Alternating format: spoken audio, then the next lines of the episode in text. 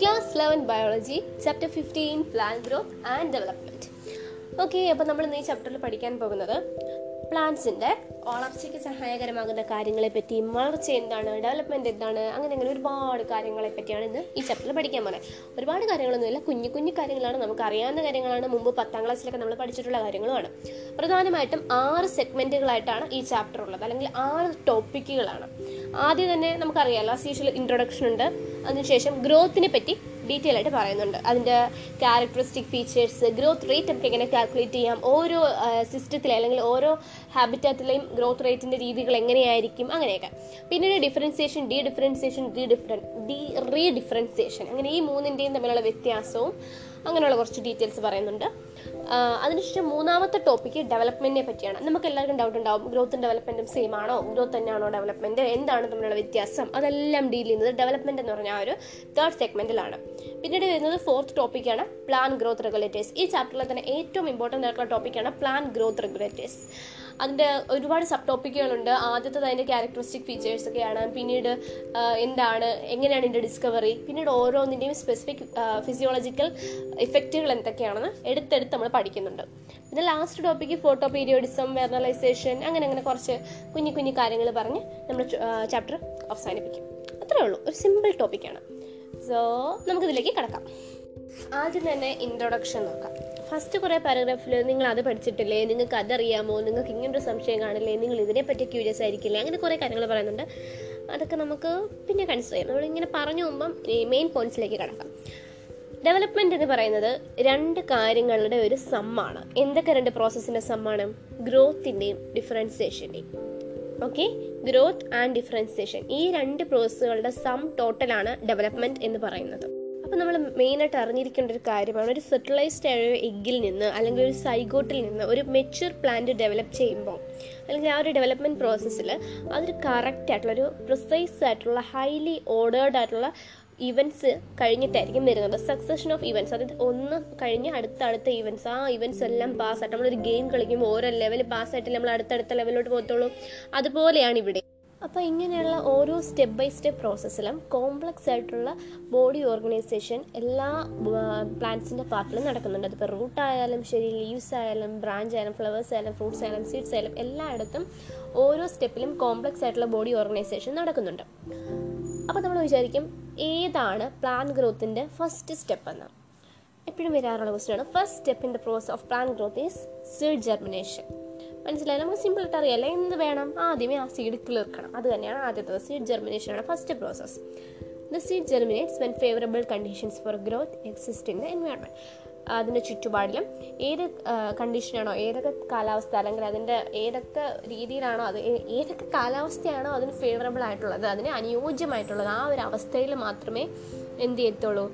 ഈ seed germinate ആവത്തുള്ളൂ. അത്രയും കാലം അത് ജെർമിനേറ്റ് ആവാതെ ഒന്നെങ്കിൽ ഡോർമെന്റ് സ്റ്റേജിൽ അങ്ങനെ എന്തെങ്കിലും രീതിയിൽ അത് അടഞ്ഞു തന്നിരിക്കും. The seed germinates when favourable conditions for growth in in environment അതുപോട്ടെ ഇനി എങ്ങനെ ഫേവറബിൾ കണ്ടീഷൻ അല്ലെങ്കിൽ എന്ത് ചെയ്യും? ഞാൻ പറഞ്ഞല്ലോ അതൊരു സസ്പെൻഡഡ് ഗ്രോത്ത് അല്ലെങ്കിൽ റെസ്റ്റ് എന്ന് പറഞ്ഞ സ്റ്റേറ്റിലേക്ക് മാറും. അതിനെ നമുക്ക് വേണമെങ്കിൽ എന്താ പറയുക ഞാൻ നേരത്തെ പറഞ്ഞ പോലെയൊക്കെ ടേംസ് കൊടുത്ത് അതിനെ അലങ്കരിക്കാം. ഓക്കെ അങ്ങനെ ഒരുപാട് കണ്ടീഷൻസ് ഓഫ് ഗ്രോത്തും ഡെവലപ്മെന്റും ഇതെല്ലാം കഴിഞ്ഞ് ഓരോ സ്റ്റെപ്പ് ബൈ സ്റ്റെപ്പ് ആയിട്ടാണ് ഈ മൂവ്മെന്റ് അല്ലെങ്കിൽ ഈ ഒരു പ്രോസസ്സ് എല്ലാം നടക്കുന്നത്. അല്ലെങ്കിൽ എന്ത് ചെയ്യും? ഫേവറബിൾ കണ്ടീഷൻ അല്ലെങ്കിൽ സി ഡോർമൻസിയിലേക്ക് മാറാവുന്നതാണ്. ഇനി നമ്മൾ ഈ ചാപ്റ്ററിനകത്ത് കുറേ കാര്യങ്ങൾ പഠിക്കുന്നുണ്ട്. ഈ ഡെവലപ്മെന്റൽ പ്രോസസ്സിനെ ഗവേൺ ചെയ്യുന്ന കൺട്രോൾ ചെയ്യുന്ന ഫാക്ടേഴ്സ് എന്തൊക്കെയാണെന്നെല്ലാം പഠിക്കുന്നുണ്ട്. അപ്പോൾ നമുക്ക് ഓരോന്നോരോന്നിട്ട് നോക്കാം. ആ ഫാക്ടേഴ്സ് എല്ലാം എക്സ്റ്റേണൽ ഫാക്ടേഴ്സ് ആണമെന്നില്ല ഉള്ളിൽ നിന്നുള്ള ഇന്റേർണൽ അല്ലെങ്കിൽ ഇൻട്രൻസിക് ഫാക്ടേഴ്സും ആവാം. ലെറ്റ് സി ഇത്രമാണ് ഇൻട്രൊഡക്ഷൻ ഇനി നമുക്ക് ഫസ്റ്റ് ടോപ്പിക്കായി ഗ്രോത്തിലേക്ക് കിടക്കാം.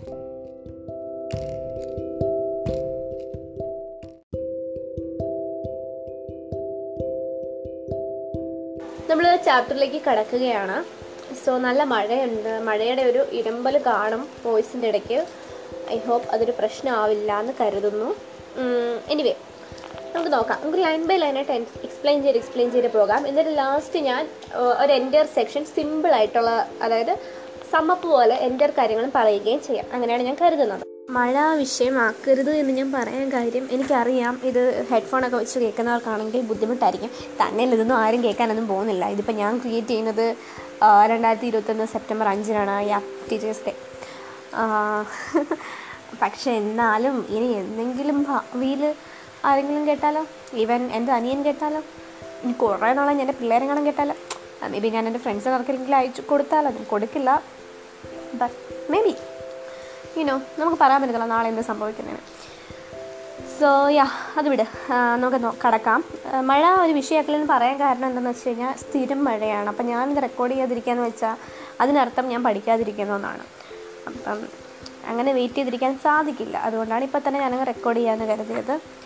മഴ ആസ്വദിക്കുന്നേ മഴയില്ലാതെ എല്ലാം അടച്ചു റൂമിൽ ഇത് റെക്കോർഡ് ചെയ്യാൻ എനിക്കങ്ങനെ സൗണ്ട് പ്രൂഫ് റൂമൊന്നും ഇവിടെ ഇല്ല. തന്നെയല്ല. അങ്ങനെ ഇരുന്ന് കഴിഞ്ഞാൽ എനിക്ക് പഠിത്തം നടക്കത്തില്ല. ഞാൻ പഠിച്ചുകൊണ്ടാണ് പറയുന്നത്. അപ്പം അതെനിക്ക് പറ്റത്തില്ല. ശ്വാസം മുട്ടും. ഞാൻ പെട്ടെന്ന് ഫെഡപ്പായി പോകും സോ ഇത് തന്നെയല്ലേ നല്ലത്. നമുക്ക് ലേശം മഴയൊക്കെ ആസ്വദിച്ച് ഇങ്ങനെ പഠിക്കാന്നേ വാ പഠിക്കാം.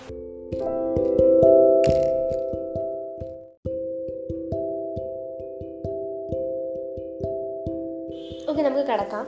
ഗ്രോത്ത് ഫിഫ്റ്റീൻ പോയിന്റ് മോഡലുള്ള ടോപ്പിക്കാണ് ഗ്രോത്ത് എന്ന് പറയുന്നത്. What is growth growth is the most fundamental and conspicuous characteristics of a living be അല്ലെങ്കിൽ one of the most fundamental and conspicuous characteristic അതായത് അടിസ്ഥാനപരമായതും അതുപോലെ ശ്രദ്ധേയമായ അതായത് നമുക്ക് കാണാൻ കഴിയുന്ന അല്ലെങ്കിൽ എടുത്തെറിയുന്ന തരത്തിലുള്ള ഒരു ഫീച്ചറാണ് അല്ലെങ്കിൽ ഒരു ക്യാരക്ടറിസ്റ്റിക്സ് ആണ് ഇതെന്ന് പറയുന്നത് ഗ്രോത്ത് എന്ന് പറയുന്നത്.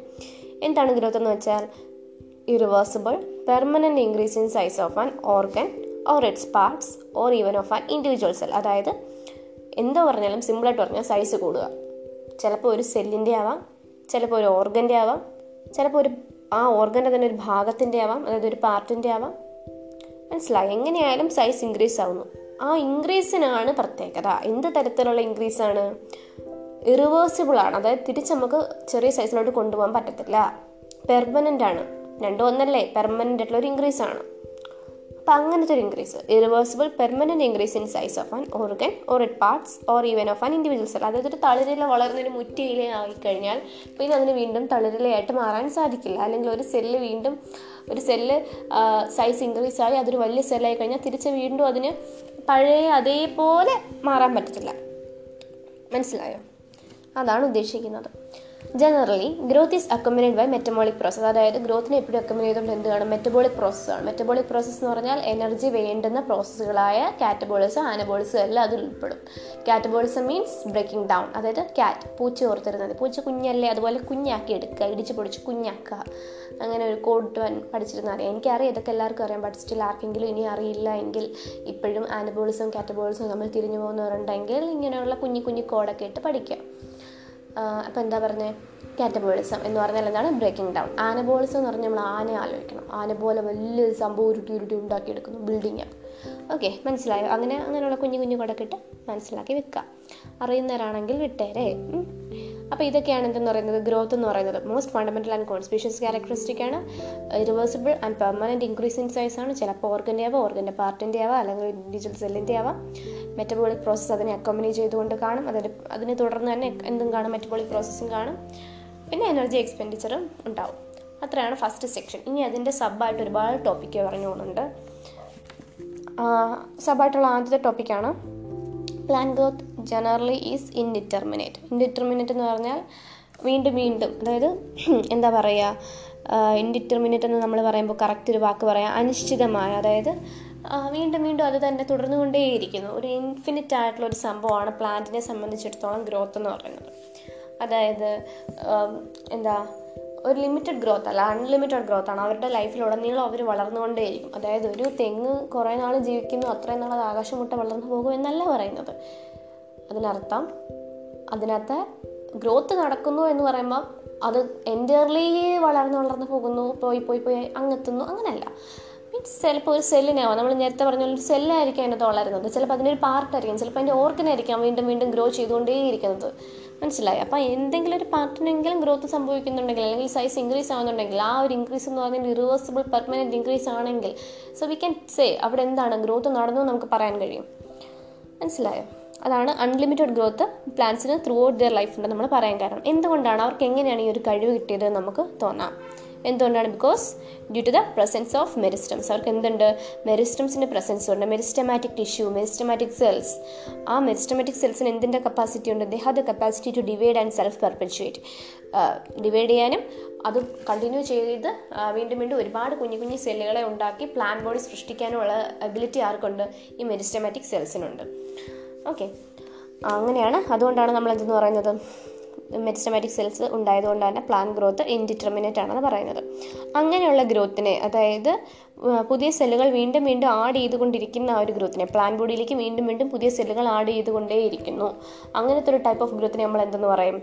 ഓപ്പൺ ഫോം ഓഫ് ഗ്രോത്ത് എന്ന് പറയും. എന്തെന്ന് പറയും? ഓപ്പൺ ഫോം ഓഫ് ഗ്രോത്ത് കാരണം മെരിസ്റ്റമാറ്റിക് സെൽസ് നമുക്കറിയാമല്ലോ നമ്മൾ പഠിച്ചിട്ടുണ്ട് shoot apical meristem root apical meristem എന്നൊക്കെ. അതായത് അവർ ടിപ്പിലായിരിക്കും കാണപ്പെടുന്നത് ഈ മെരിസ്റ്റംസ് പൊതുവെ. സോ അപ്പോൾ എന്താ സംഭവിക്കുന്നത്? ഈ ടിപ്പിൽ ടിപ്പ് റീജിയണിൽ കുറച്ച് മെരിസ്റ്റമാറ്റിക് സെൽസ് ഉണ്ടാവുന്നു അവർ മെച്ചുവർ ആവുന്നു അത് അവിടെ തന്നെ സ്റ്റേബിളായിട്ട് ഉറച്ചിരിക്കുന്നു. വീണ്ടും ആ ഉണ്ടായ ഡോട്ടർ സെൽസ് അതായത് ഡോട്ടർ മെരിസ്റ്റമാറ്റിക് സെൽസ് മുകളിലേക്ക് മുകളിലേക്ക് വീണ്ടും ഷിഫ്റ്റായി ഷിഫ്റ്റ് ആയിക്കൊണ്ടേ ഇരിക്കുകയാണ് എന്നിട്ട് പുതിയ പുതിയ സെൽസിനെ ഉണ്ടാക്കുന്നു. ഉണ്ടായ സെൽസ് വീണ്ടും മെച്ചുവർ ആകുന്നു. അവർ വീണ്ടും പ്ലാൻ ബോഡിയുടെ ഒരു പാർട്ടായിട്ട് സ്റ്റേബിളായിട്ട് മെച്ചുവേർഡായിട്ട് അവിടെ തന്നെ ഇരിക്കുന്നു. ലൈക്ക് നിങ്ങൾ പഠിച്ചിട്ടുണ്ടല്ലോ. അത് തന്നെയാണ് സംഭവിക്കുന്നത്. അങ്ങനെ ഇവർ വളരുന്നു പ്ലാൻ ബോഡിയുടെ പാർട്ടാകുന്നു ബാക്കി ന്യൂലി ഡെവലപ്ഡ് സെൽസ് എന്താ? വീണ്ടും മെരിസ്റ്റമാറ്റിക് സെൽസിന്റെ ആ ഒരു ഡ്യൂട്ടി എന്താ ചെയ്തുകൊണ്ടേയിരിക്കുകയാണ്. അപ്പോൾ അങ്ങനെ വീണ്ടും വീണ്ടും പ്ലാന്റ് ബോഡിയിലേക്ക് സെൽസ് ആഡ് ചെയ്തുകൊണ്ടിരിക്കുന്ന ആ ഒരു കൈൻഡ് ഓഫ് ഗ്രോത്തിനെയാണ് നമ്മൾ ഓപ്പൺ ഫോം ഓഫ് ഗ്രോത്ത് എന്ന് പറയുന്നത്. പിന്നീട് പറയുന്നത് എന്താ ഈ പ്രൈമറി ഗ്രോത്തിന് പ്രധാനമായിട്ടും പങ്കുവഹിക്കുന്നത് അല്ലെങ്കിൽ പ്രൈമറി ഗ്രോത്തും സെക്കൻഡറി ഗ്രോത്തും ഉണ്ടല്ലോ. പ്രൈമറി ഗ്രോത്ത് എന്ന് പറയുന്നത് എന്താണ് സെൽ ഈ പ്ലാന്റിന്റെ ആയാലും റൂട്ട് എന്തിന്റെ ആയാലും ഈ അതിന്റെ നീളം വർദ്ധിക്കുക. അതിനാണ് നമ്മൾ പ്രൈമറി ഗ്രോത്തായിട്ട് കൺസിഡർ ചെയ്യുന്നത്. എലോങ്ങേഷൻ എലോങ് ദിയർ ആക്സസ് അതായത് അവരുടെ ഒരു ആക്സസിലൂടെ എലോങ്ങേറ്റ് ചെയ്ത് എലോങ്ങേറ്റ് പോകും അതാണ് പ്രൈമറി ഗ്രോത്ത് ആയിട്ട്. സെക്കൻഡറി ഗ്രോത്ത് ആയിട്ട് നമ്മൾ പറയുന്നത് വീതി ഉണ്ടാവുക വണ്ണം വെക്കുക തടിക്കൊക്കെ കനം വെക്കുക നമ്മൾ പറയും. ഇല്ലേ? അതായത് ഗിർത്ത് കൂടുക. Increase in the girth of the organs അതിപ്പം ചെടിക്ക് കമ്പിനാവാം ഇലയ്ക്കാവാം എന്തിനാലും ഗിർത്ത് വർദ്ധിക്കുക. അതാണ് secondary growth elongation along the axis എന്ന് പറയുന്നത് പ്രൈമറി ഗ്രോത്ത് ആണ്. ഈ പ്രൈമറി ഗ്രോത്തിന് എപ്പോഴും സപ്പോർട്ട് ചെയ്യുന്ന ആരായിരിക്കും? അല്ലെങ്കിൽ പ്രൈമറി ഒരു പങ്ക് വഹിക്കുന്നത് പ്രിൻസിപ്പൽ പങ്ക് വഹിക്കുന്നത് ആരായിരിക്കും? മെരിസ്റ്റം ആയിരിക്കും ഓക്കെ. അതിന് ചിലപ്പം ഷൂട്ടപ്പിക്കൽ മെരിസ്റ്റും റൂട്ട് മെരിസ്റ്റും ഒക്കെയാണ് പ്ലാന്റ്സിന്റെ പ്രൈമറി ഗ്രോത്തിന് പ്രിൻസിപ്പലി കോൺട്രിബ്യൂട്ട് ചെയ്യുന്നത്. അതുപോലെ ഡൈക്കോട്ടിലിഡനസ് പ്ലാന്റ്സിലും ജിംനോസ്പേംസിലും എല്ലാം ലാറ്ററൽ മെരിസ്റ്റംസ് ഉണ്ട് വാസ്കുലാർ ക്യാമ്പിയം ഉണ്ട് കോർ ക്യാമ്പിയം ഉണ്ട്. അതൊക്കെ ഈ മെരിസ്റ്റത്തിന് ശേഷം അതായത് ആ ഒരു പാർട്ടിന് ശേഷമാണ് അവരുടെ പ്ലാന്റ് ലൈഫിൽ വരുന്നത്. അതുകൊണ്ട് തന്നെ അവർ എന്തിനു വേണ്ടിയായിരിക്കും ഹെൽപ്പ് ചെയ്യുന്നത്? ഈ വക സംഭവങ്ങൾ ഞാനിപ്പോൾ പറഞ്ഞ കോർ ക്യാമ്പിയം വാസ്കുലാർ ക്യാമ്പിയം ഒക്കെ പ്ലാന്റ്സിന്റെ ഗിർത്ത് വർദ്ധിപ്പിക്കാനായിരിക്കും സഹായിക്കുന്നത്. അല്ലെങ്കിൽ അതിന്റെ സെക്കൻഡറി ഗ്രോത്തിനെ ആയിരിക്കും പ്രൊമോട്ട് ചെയ്യുന്നത്. ഓക്കെ നമുക്ക് ഫിഗർ ഫിഫ്റ്റീൻ പോയിന്റ് ടു നോക്കാം. ഫിഫ്റ്റീൻ പോയിന്റ് ടുവിൽ എന്തിന്റെ diagrammatic റെപ്രസെന്റേഷനാണ് locations of root apical meristem shoot apical meristem and vascular cambium ആ മുകളിലത്തെ ഗ്രീൻ കളർ പിക്ചറിൽ നോക്കിയാൽ നമുക്ക് എന്ത് കാണാം? ടോപ്പ് റീജിയണിൽ ഷൂട്ട് എപ്പിക്കൽ മെരിസ്റ്റംസ് കാണാം. ഷൂട്ട് എപ്പിക്കൽ മെരിസ്റ്റത്തിന് arrow ഇട്ടേക്കുന്നുണ്ടോ? Arrows exhibit the direction of growth of cells and organ arrows കാണിക്കുന്നത് സെൽസിന്റെ ഗ്രോത്തിന്റെ ഡയറക്ഷനാണ് അതുപോലെ ഓർഗൻ ഡെവലപ്പ് ചെയ്യുന്ന ആ ഒരു ഡയറക്ഷനാണ് ആ ആരോസ് നമുക്ക് സൂചിപ്പിക്കുന്നത്. നോക്കിക്കേ ഷൂട്ട് എപ്പിക്കൽ മെരിസ്റ്റൻ ടോപ്പിലുണ്ട് സെൽസ് എല്ലാം താഴേക്ക് താഴേക്ക് ഡെവലപ്പ് ചെയ്ത് ഡെവലപ്പ് ചെയ്താൽ വരുന്നത്. താഴേക്ക് ഡെവലപ്പ് ചെയ്യുന്ന സെൽസുകളെല്ലാം എന്തായി മാറുന്നു? അവർ മെച്ചുവേർഡായിട്ട് സ്റ്റേബിളായിട്ട് അവിടെ പ്ലാൻ ബോഡിക്ക് കോൺട്രിബ്യൂട്ട് ചെയ്യുന്നു. മുകളിലുള്ള മെരിസ്റ്റമാറ്റിക് സെൽസ് അപ്പോഴും വീണ്ടും വീണ്ടും മുകളിലേക്ക് മുകളിലേക്ക് പോയിക്കൊണ്ടേയിരിക്കും. അതായത് അവരെപ്പോഴും ടിപ്പിലായിരിക്കും കാണപ്പെടുക. പിന്നെ സൈഡിലുള്ള ഒരു സിലിണ്ടർ പോലെ വരച്ചിരിക്കുന്നതിനകത്ത് നമുക്ക് ലാറ്ററലി നമുക്ക് എന്ത് കാണാൻ കഴിയും? വാസ്കുലാർ കാമ്പ്യത്തിനാണ് അവിടെ കാണുന്നത്. മുകളിൽ ഷൂട്ടപ്പിക്കൽ മരിച്ചിട്ടാണെങ്കിൽ സൈഡുകളിലായിട്ട് വാസ്കുലാർ ക്യാമ്പ്യം ആയിരിക്കും. അവ തിക്കനിങ്ങിനായിരിക്കും അല്ലെങ്കിൽ ഗിർത്ത് ഇൻക്രീസ് ചെയ്യാനായിരിക്കും ഹെൽപ്പ് ചെയ്യുന്നത്. വാസ്കുലാർ ക്യാമ്പ്യം അതിപ്പോൾ റൂട്ടിന്റെ അവിടെ ആണെങ്കിൽ നമുക്ക് വാസ്കുലാർ ക്യാമ്പ്യം കാണാൻ കഴിയും. താഴെയായിട്ട് റൂട്ടപ്പിക്കൽ മരിച്ചിട്ടും കാണാൻ കഴിയും. മനസ്സിലായല്ലോ? രണ്ടും ഒരേപോലെയാണ്. ഒന്ന് ഷൂട്ടും ഒന്ന് റൂട്ടും ആണെന്ന് മാത്രം. അത് മനസ്സിലാക്കുക റൂട്ട് ഏതാണ് ഷൂട്ട് ഏതാണ് വാസ്കുലാർ ക്യാമ്പ്യം സൈഡിലാണുള്ളത് അറ്റങ്ങളിലുള്ളത് ടിപ്പിലുള്ളത് ഷൂട്ടെപ്പിക്കൽ മരിച്ചിട്ടും റൂട്ടെപ്പിക്കൽ മെരിസ്റ്റവും ആണ് ഓക്കെ ഇനി അടുത്ത രണ്ടാമത്തെ ഒരു സബായിട്ടുള്ള ടോപ്പിക്കാണ്. Growth is growth is measurable. Growth നമുക്ക് മെഷർ ചെയ്യാൻ സാധിക്കും അളക്കാൻ സാധിക്കും. എന്തുകൊണ്ടാണ് നമ്മൾ അങ്ങനെ ഗ്രോത്ത് നമുക്ക് അളക്കാൻ സാധിക്കും എന്ന് പറയുന്നത്? അതായത് സെല്ലുലാർ ലെവലിൽ നമ്മൾ ബേസിൽ നിന്ന് തന്നെ പറഞ്ഞു പോകണമല്ലോ സെല്ലുലാർ ലെവൽ എന്നൊക്കെ പറഞ്ഞു കഴിഞ്ഞാൽ സെല്ലിനെ കൺസിഡർ ചെയ്യുന്നിടത്തോളം സെൽ ഗ്രോ ചെയ്തു അല്ലെങ്കിൽ സെല്ലിൽ ഗ്രോത്ത് സംഭവിച്ചു എന്ന് നമ്മൾ പറയുമ്പോൾ നമ്മൾ എന്താ ഉദ്ദേശിക്കുന്നത്?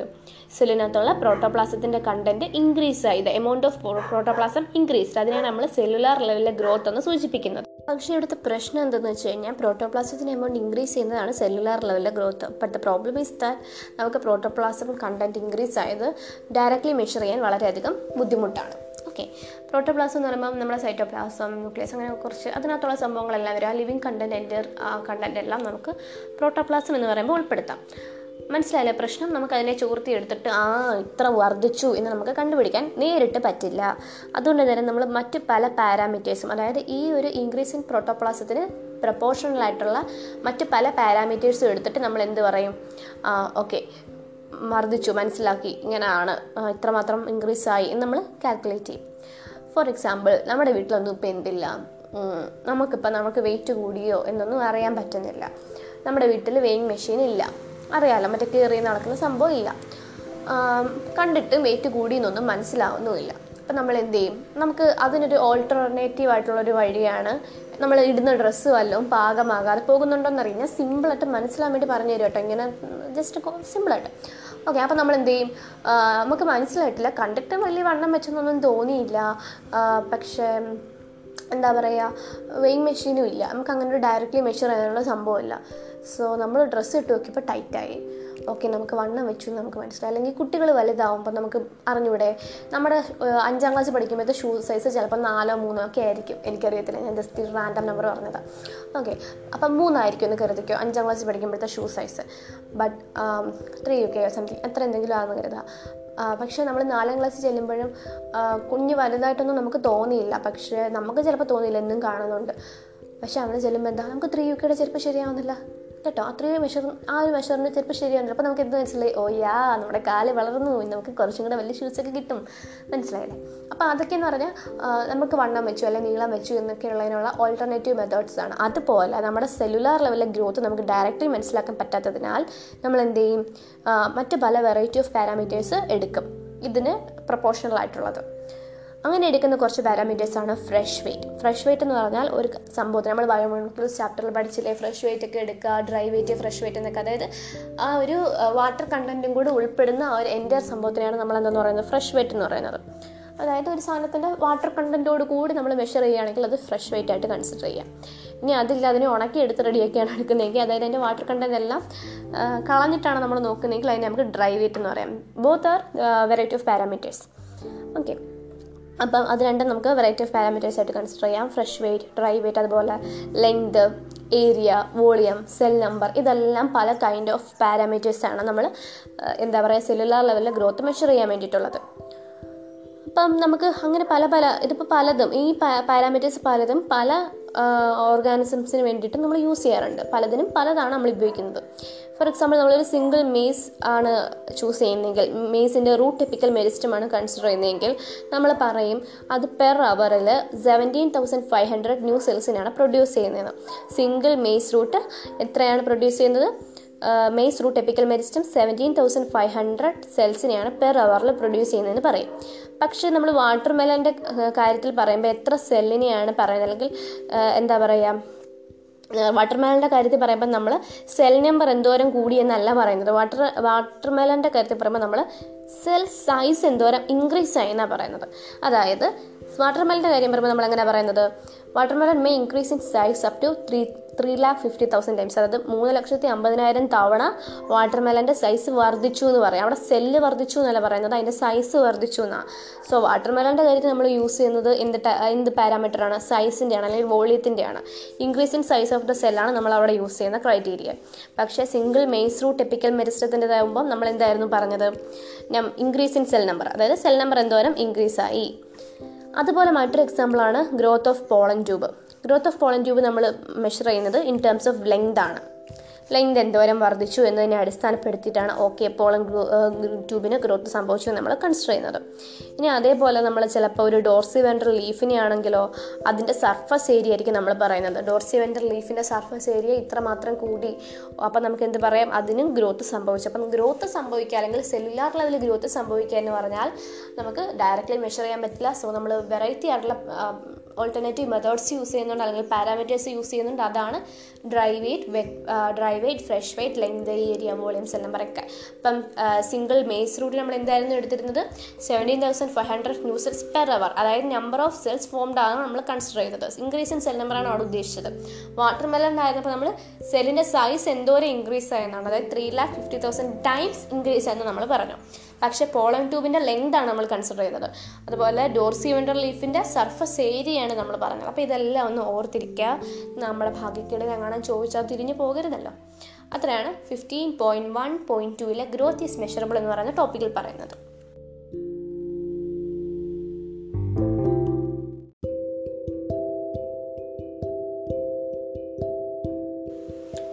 റീജിയണുകളെ പറ്റിയാണ് ഇനി പഠിക്കാനുള്ളത്. അതായത് പ്ലാൻ ഗ്രോത്തിന്റെ ആ ഒരു ടൈമിൽ ഉണ്ടാകുന്ന മൂന്ന് റീജിയൻസ് ഏതൊക്കെയാണ് ആ മൂന്ന് റീജിയൻസ് മെരിസ്റ്റമാറ്റിക് എലോങ്ങേഷൻ മെച്ചുറേഷൻ അപ്പോൾ മെരിസ്റ്റമാറ്റിക് റീജിയനെ പറ്റി പഠിക്കുകയാണെങ്കിൽ അവിടെയുള്ള സെല്ലുകളുടെ ക്യാരക്ടറിസ്റ്റിക്സ് അറിഞ്ഞിരിക്കണം. അത് വളരുന്ന ടൈമാണ് അതുകൊണ്ട് തന്നെ സെല്ലിന്റെ ലിവിങ് കണ്ടന്റ് അതായത് പ്രോട്ടോപ്ലാസം വളരെ റിച്ച് ആയിരിക്കും.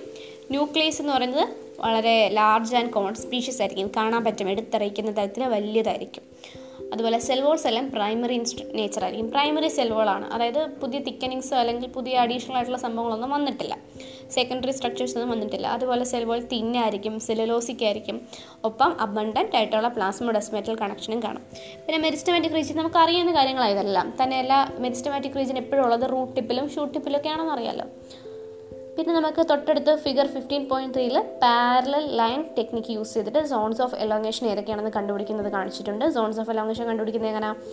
അതായത് വളർച്ച സംഭവിച്ചിട്ടുണ്ടെങ്കിൽ അല്ലെങ്കിൽ ഇലോങ്ങേഷൻ സംഭവിച്ചിട്ടുണ്ടെങ്കിൽ അവിടെ കറക്റ്റ് ഈ പെർപ്പൻഡിക്കുലർ ആയിട്ട് വന്ന് ജോയിൻ ചെയ്യില്ല. രണ്ട് ബിഫോർ ആൻഡ് ആഫ്റ്റർ സ്ട്രക്ചേഴ്സാണ് കാണിച്ചിരിക്കുന്നത്.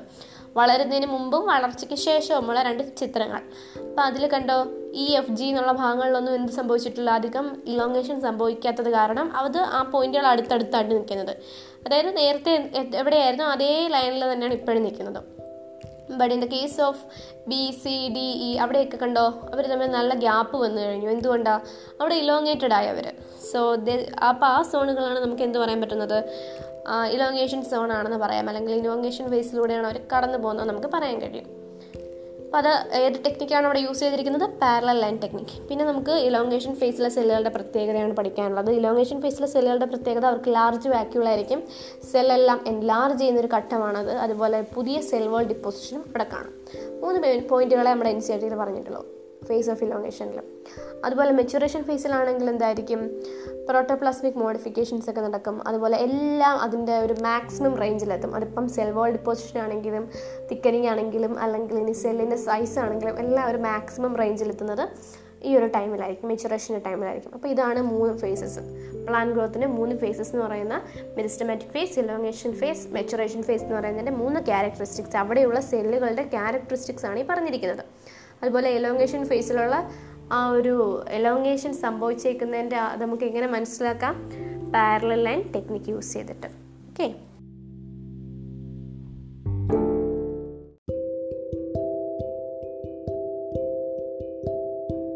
നെക്സ്റ്റ് ടോപ്പിക്ക് ഗ്രോത്ത് റേറ്റ്സിനെ പറ്റിയിട്ടാണ്. എന്താണ് ഗ്രോത്ത് റേറ്റ് അതായത് the increased growth per unit time നമ്മളൊരു യൂണിറ്റ് ടൈം എടുക്കുകയാണെങ്കിൽ ഒരു ടൈം യൂണിറ്റ് നമ്മൾ എടുക്കുകയാണെങ്കിൽ അവിടെ എന്തുമാത്രം വർധനവാണ് വളർച്ച? അതായത് വളർച്ചയിൽ എന്തോരം വർധനവാണ് സംഭവിക്കുന്നത്? അതാണ് എന്തെന്ന് പറയുന്നത്?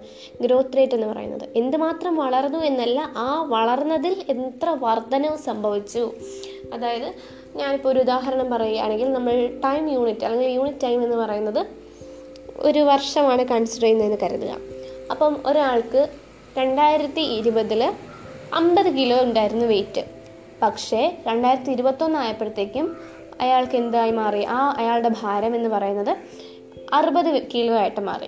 സോ നമ്മളെടുത്ത ടൈം യൂണിറ്റ് അല്ലെങ്കിൽ യൂണിറ്റ് ടൈം എന്ന് പറയുന്നത് വൺ ഇയർ ആണ്. വൺ ഇയറിൽ പുള്ളിക്ക് എന്തുമാത്രം വെയിറ്റാണ് വർദ്ധിച്ചത്? എന്തുമാത്രം സൈസാണ് വർദ്ധിച്ചത്? പത്ത് കിലോ. അമ്പത് കിലോ ഉണ്ടായിരുന്ന ആൾ അറുപത് കിലോയിലെത്തി.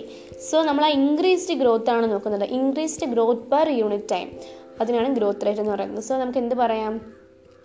ടെൻ കിലോഗ്രാം പെർ ഇയർ എന്ന് പറയാം. അതിനെയാണ് നമ്മൾ ഗ്രോത്ത് റേറ്റ് എന്ന് പറയുന്നത്. ഒരു യൂണിറ്റ് ടൈം എടുക്കുകയാണെങ്കിൽ ആ യൂണിറ്റ് ടൈമിൽ എന്തുമാത്രം വർധനവാണ് ഇൻക്രീസ് ആണ് ഗ്രോത്തിൽ ഉണ്ടായത്. അതിനെ നമ്മൾ ഗ്രോത്ത് റേറ്റ് എന്ന് പറയാം. നമുക്കതിനെ മാത്തമെറ്റിക്കലി റെപ്രസെന്റ് ചെയ്യാൻ പറ്റും. അങ്ങനെ റെപ്രസെന്റ് ചെയ്യുന്നതിന് രണ്ട് മെത്തേഡ്സ് ആണുള്ളത് ഒന്ന് അരിത്തമെറ്റിക് മെത്തേഡും ഒന്ന് ജോമെട്രിക് മെത്തേഡും അതിൽ ആദ്യത്തെ മെത്തേഡ് നമുക്ക് നോക്കാം. അരിത്തമെറ്റിക് മെത്തേഡ് ഫിഗർ നോക്കിക്കഴിഞ്ഞാൽ ഫിഗർ ഫിഫ്റ്റീൻ പോയിന്റ് ഫോർ നോക്കിക്കഴിഞ്ഞാൽ നമുക്ക് രണ്ട് മെത്തേഡും കാണാൻ കഴിയും. അരിത്തമെറ്റിക് മെത്തേഡിന്റെ പ്രത്യേകത ഒരു ഡോട്ടർ സെൽ മാത്രം ഡിവൈഡ് ചെയ്ത് പോകും. ബാക്കി ഡിവൈഡ് ചെയ്ത് അതായത് മൈക്രോട്ടിക് ഡിവിഷനിലൂടെ ഉണ്ടായ ഒരു ഡോട്ടർ സെൽ മാത്രം കണ്ടിന്യൂസ് ആയിട്ട് ഡിവൈഡ് ചെയ്യും. ബാക്കിയുള്ളവരെ ഡിഫറൻഷ്യേറ്റ് ചെയ്ത് മെച്ചുവറായിട്ട് മാറി മാറി ഇരിക്കത്തേ ഉള്ളൂ. അവരാരും ഡിവൈഡ് ചെയ്യത്തില്ല. ഒരാൾ മാത്രം ഡിവൈഡ് ചെയ്ത് ഡിവൈഡ് ചെയ്ത് പോകും. സി ആ പ്രോഗ്രഷൻ കണ്ടോ? ആ ഒരു ഫിഗർ കണ്ടോ? ആ ഫിഗർ കണ്ടാൽ നമുക്ക് മനസ്സിലാക്കണം. അത് അരിത്തമെറ്റിക് ആണോ? അതുപോലെ ജിയോമെട്രിക് ആണോ? എന്നല്ല. മനസ്സിലായല്ലോ? അതാണ് അരിത്തമെറ്റിക് എന്ന് പറയുന്നത് ഫിഗർ എ പോയിന്റ്സ് എല്ലാം അപ്പുറത്തെ പേജിലും കൊടുത്തിട്ടുണ്ട്. ഇനി നമ്മൾ അതിന്റെ ഒരു ഡയഗ്രാം എടുത്ത് പഠിക്കുകയാണെങ്കിൽ അല്ലെങ്കിൽ ഒരു ഗ്രാഫ് വരയ്ക്കുകയാണെങ്കിൽ നമുക്ക് എന്ത് കിട്ടും? ഒരു ലീനിയർ കർവ് ആയിരിക്കും ഒപ്റ്റൈൻ ചെയ്യാൻ സാധിക്കുന്നത്. പിന്നെ എക്സാമ്പിളായിട്ട് ഇങ്ങനത്തെ ഒരു അരിത്തമെറ്റിക് ഗ്രോത്ത് റേറ്റിന് കാണിക്കുന്ന ഒരു ഉദാഹരണം നമ്മൾ ചോദിച്ചു കഴിഞ്ഞാൽ നമുക്ക് പറയാൻ പറ്റുന്നത് റൂട്ടിന്റെ കാര്യമാണ്. Root elongating at constant rate mathematically express ചെയ്യുന്നത് L T is equal to L naught അല്ലെങ്കിൽ L zero plus R T എന്നാണ്. ഇതിൽ നമ്മൾ നമ്മൾ പറഞ്ഞല്ലോ ഒരു ടി ടൈം എടു അതിന് ശേഷം അതിന് മുമ്പുള്ള ഒരു ലെങ്തിനെയാണ് നമ്മൾ എൽ കൊണ്ട് റെപ്രസെന്റ് ചെയ്യുന്നത്. എൽ ടി എന്ന് പറയുന്നത് length at time T time ടിയിലുള്ള length L zero എന്ന് പറയുമ്പോൾ ടൈം സീറോ ആയിരിക്കുമ്പോഴത്തുള്ള ലെങ്ത് പിന്നെ ആറ് ആറ് എന്ന് പറഞ്ഞാൽ എന്താണ്? ഗ്രോത്ത് റേറ്റ് അല്ലെങ്കിൽ ഇലോങ്ങേഷൻ പെർ യൂണിറ്റ് ടൈം എന്നുള്ളതാണ് ആറ് കൊണ്ട് നമ്മൾ കൺസിഡർ ചെയ്യുന്നത്. സോ നമ്മൾ എന്തൊക്കെയാണ് പഠിച്ചത് അരിത്തമെറ്റിക് ഗ്രോത്ത് റേറ്റ് നമുക്ക് മാത്തമെറ്റിക്കൽ എക്സ്പ്രസ് ചെയ്യാൻ സാധിക്കും. അതിൽ രണ്ട് മെത്തേഡ്സ് ഉണ്ട്. ആദ്യത്തെ മെത്തേഡ് എന്ന് പറഞ്ഞാൽ അരിത്തമെറ്റിക് ആണ്. രണ്ടാമത്തെ മെത്തേഡ് എന്ന് പറഞ്ഞാൽ ജിയോമെട്രിക് ആണ്. അരിത്തമെറ്റിക് മെത്തേഡിനെ പറ്റിയിട്ടാണ് പഠിച്ചത്. അരിത്തമെറ്റിക് മെത്തേഡിന്റെ പ്രത്യേകത എന്താണ്? ഒരു ഡോട്ടർസിൽ മാത്രം വീണ്ടും വീണ്ടും ഡിവൈഡ് ചെയ്തുകൊണ്ടിരിക്കും. എക്സാമ്പിൾ റൂട്ട് ഇലാങ്ങേഷൻ പറയാം. ഗ്രാഫ് എപ്പോഴും പ്ലോട്ട് ചെയ്താൽ കിട്ടുന്നത് ഒരു linear കർവായിരിക്കും mathematical equation L T is equal to L zero plus R T എന്ന് പറയാം. ഓക്കെ ഇനി അടുത്തത് നമ്മൾ ജോമെട്രിക്കൽ കർവിലേക്ക് പോവുകയാണ്. ജോമെട്രിക്കൽ മെത്തേഡ് എന്ന് പറയുമ്പോൾ അതിൽ മൈറ്റോട്ടിക് ഡിവിഷനിലൂടെ ഉണ്ടാകുന്ന എല്ലാ സെല്ലുകളും എന്ത് ചെയ്യുന്നുണ്ട്? ഡിവൈഡ് ചെയ്ത് ഡിവൈഡ് ചെയ്ത് ഡിവൈഡ് ചെയ്ത് പോകും. അല്ലാതെ മറ്റിടത്തെ പോലെ ഒരാൾ മാത്രം ഡിവൈഡ് ചെയ്യുകയും ബാക്കിയുള്ളവർ മെച്ചുവേർഡായിട്ട് മാറിയിരിക്കുകയല്ല. അപ്പം ജോമെട്രിക് ഇതിന്റെ ഒരു പ്രത്യേകത മൂന്ന് ഫേസസിലൂടെയാണ് നടക്കുന്നത്. Lag phase exponential phase stationary phase lag phase എന്ന് പറഞ്ഞാൽ പുള്ളിക്കാരൻ ഒരു സ്റ്റാർട്ടിംഗ് ട്രബിൾ കാണും തുടക്കത്തിൽ ഇനിഷ്യൽ ഗ്രോത്ത് അതുകൊണ്ട് തന്നെ സ്ലോ ആയിരിക്കും. അതാണ് ലാഗ് ഫേസ് എന്ന് പറയുന്നത്. ലാഗ് ആയിരിക്കും. രണ്ടാമത്തത് എക്സ്പോണൻഷ്യൽ ഫേസ് അല്ലെങ്കിൽ ലോഗ് ഫേസ് എന്ന് പറയും. അതെന്ന് പറഞ്ഞാൽ സ്റ്റാർട്ടിംഗ് ട്രബിളേ ഉള്ളൂ. ഒന്ന് ക്ലച്ച് പിടിച്ച് കഴിഞ്ഞാൽ പിന്നെ അങ്ങ് മുന്നും പിന്നെ നോക്കാതൊരു പോക്കാം. ചറപറ ചറപറ അങ്ങോട്ട് ഡിവൈഡ് ചെയ്ത് കളയും. ഇൻക്രീസസ് റാപ്പിഡ്ലി ദിയർ ആഫ്റ്റർ അതാണ് നമ്മൾ എന്തെന്ന് പറയുന്നത്? ലോഗ് ഫേസ് അല്ലെങ്കിൽ എക്സ്പോണൻഷ്യൽ ഫേസ് എന്ന് പറയുന്നത്. ആദ്യം ലാഗ് ഫേസ് പിന്നെ ലോഗ് ഫേസ് അല്ലെങ്കിൽ എക്സ്പോണൻഷ്യൽ ഫേസ് മൂന്നാമത്തെ ഫേസ് എന്ന് പറയുമ്പോൾ അതിന് ന്യൂട്രിയൻ സപ്ലൈ ഒക്കെ തീർന്നു കഴിയുമ്പോഴത്തേക്കും ഗ്രോത്ത് സ്ലോ ഡൗൺ ചെയ്യാൻ തുടങ്ങും. പിന്നെ അതൊരു കണ്ടിന്യൂസ് ഒരു സ്റ്റേബിൾ ഫോമിലായിരിക്കും ഗ്രോത്ത് നടക്കുന്നത്. ചറവറ അങ്ങ് പോത്തുമില്ല അങ്ങ് ലാഗ് ആവത്തുമില്ല സ്റ്റേബിൾ പാറ്റേണിൽ പോകും. അതിനാണ് നമ്മൾ സ്റ്റേഷനറി ഫേസ് എന്ന് പറയും. ഓക്കെ സ്റ്റേഷനറി ഫേസ് എന്ന് പറയും. ഇനി നമ്മൾ ജോമെട്രിക് ആയിട്ടുള്ള ഈ ഒരു എന്താ പറയുക ഗ്രോത്ത് റേറ്റ് ഗ്രാഫിക്കലി റെപ്രസെന്റ് ചെയ്യുകയാണെങ്കിൽ നമുക്ക് കിട്ടുന്നത് ഒരു സിഗ്മോയിഡ് അല്ലെങ്കിൽ എസ് കർവ് ആയിരിക്കും. സിഗ്മോയിഡ് അല്ലെങ്കിൽ എസ് കർവ് സോ ഇപ്പം എന്തൊക്കെ നമുക്ക് പറയാതെ ഇന്ന് ഈ ജോമെട്രിക്കൽ ആയിട്ടുള്ള സംഭവത്തെ പറ്റി പഠിക്കുമ്പോൾ ലാഫ് ഫേസ് ഉണ്ട് എക്സ്പോണൻഷ്യൽ ഫേസ് ഉണ്ട് സ്റ്റേഷനറി ഫേസ് ഉണ്ട്. Parameter of growth against time നമ്മൾ പ്ലോട്ട് ചെയ്താൽ നമുക്ക് എന്ത് കിട്ടും? സിഗ്മോയിഡ് അല്ലെങ്കിൽ എസ് കർവ് കിട്ടും.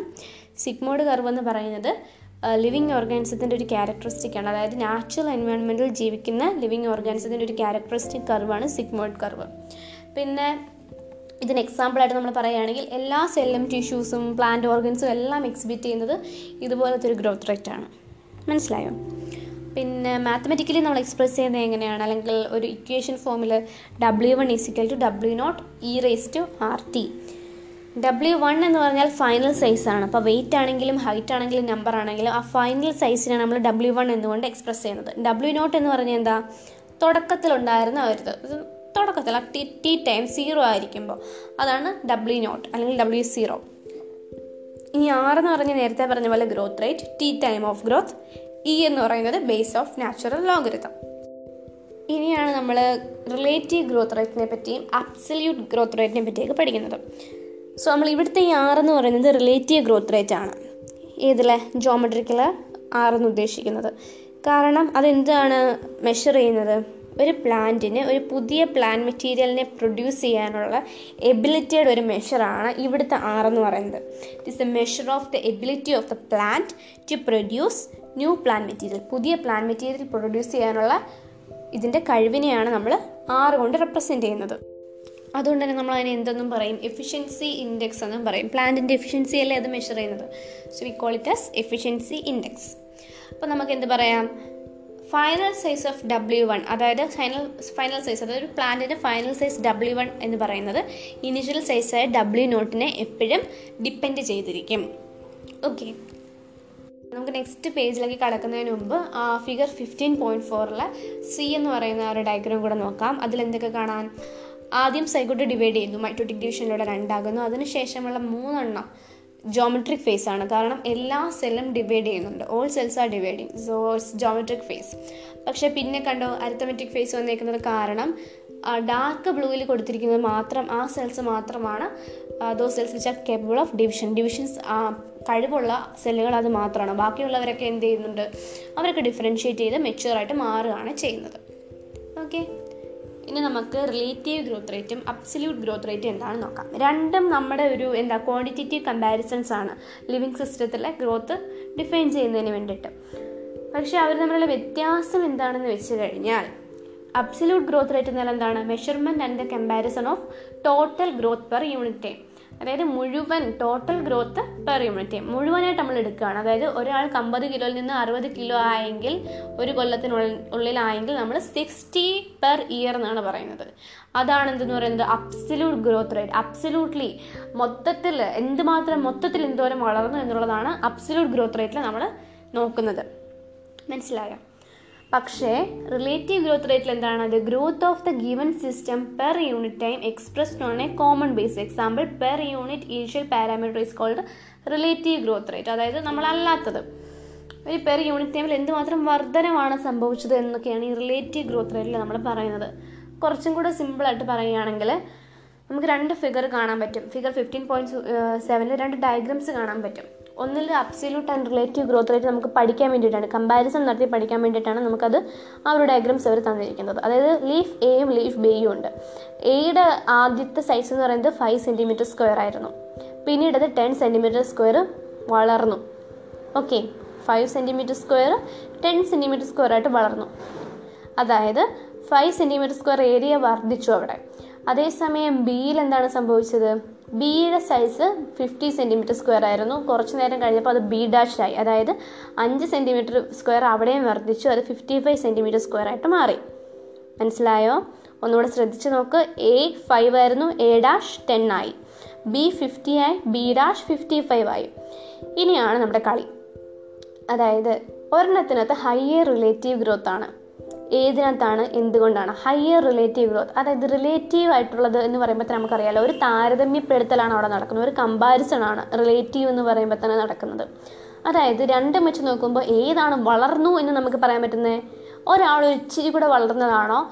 ഒരാൾ പകുതിയോളം അതായത് അയാളുടെ അത്രത്തോളം വീണ്ടും വളർന്നതാണോ നമുക്കൊരു വളർച്ച നമുക്ക് എടുത്തു പറയാൻ പറ്റുന്നത്?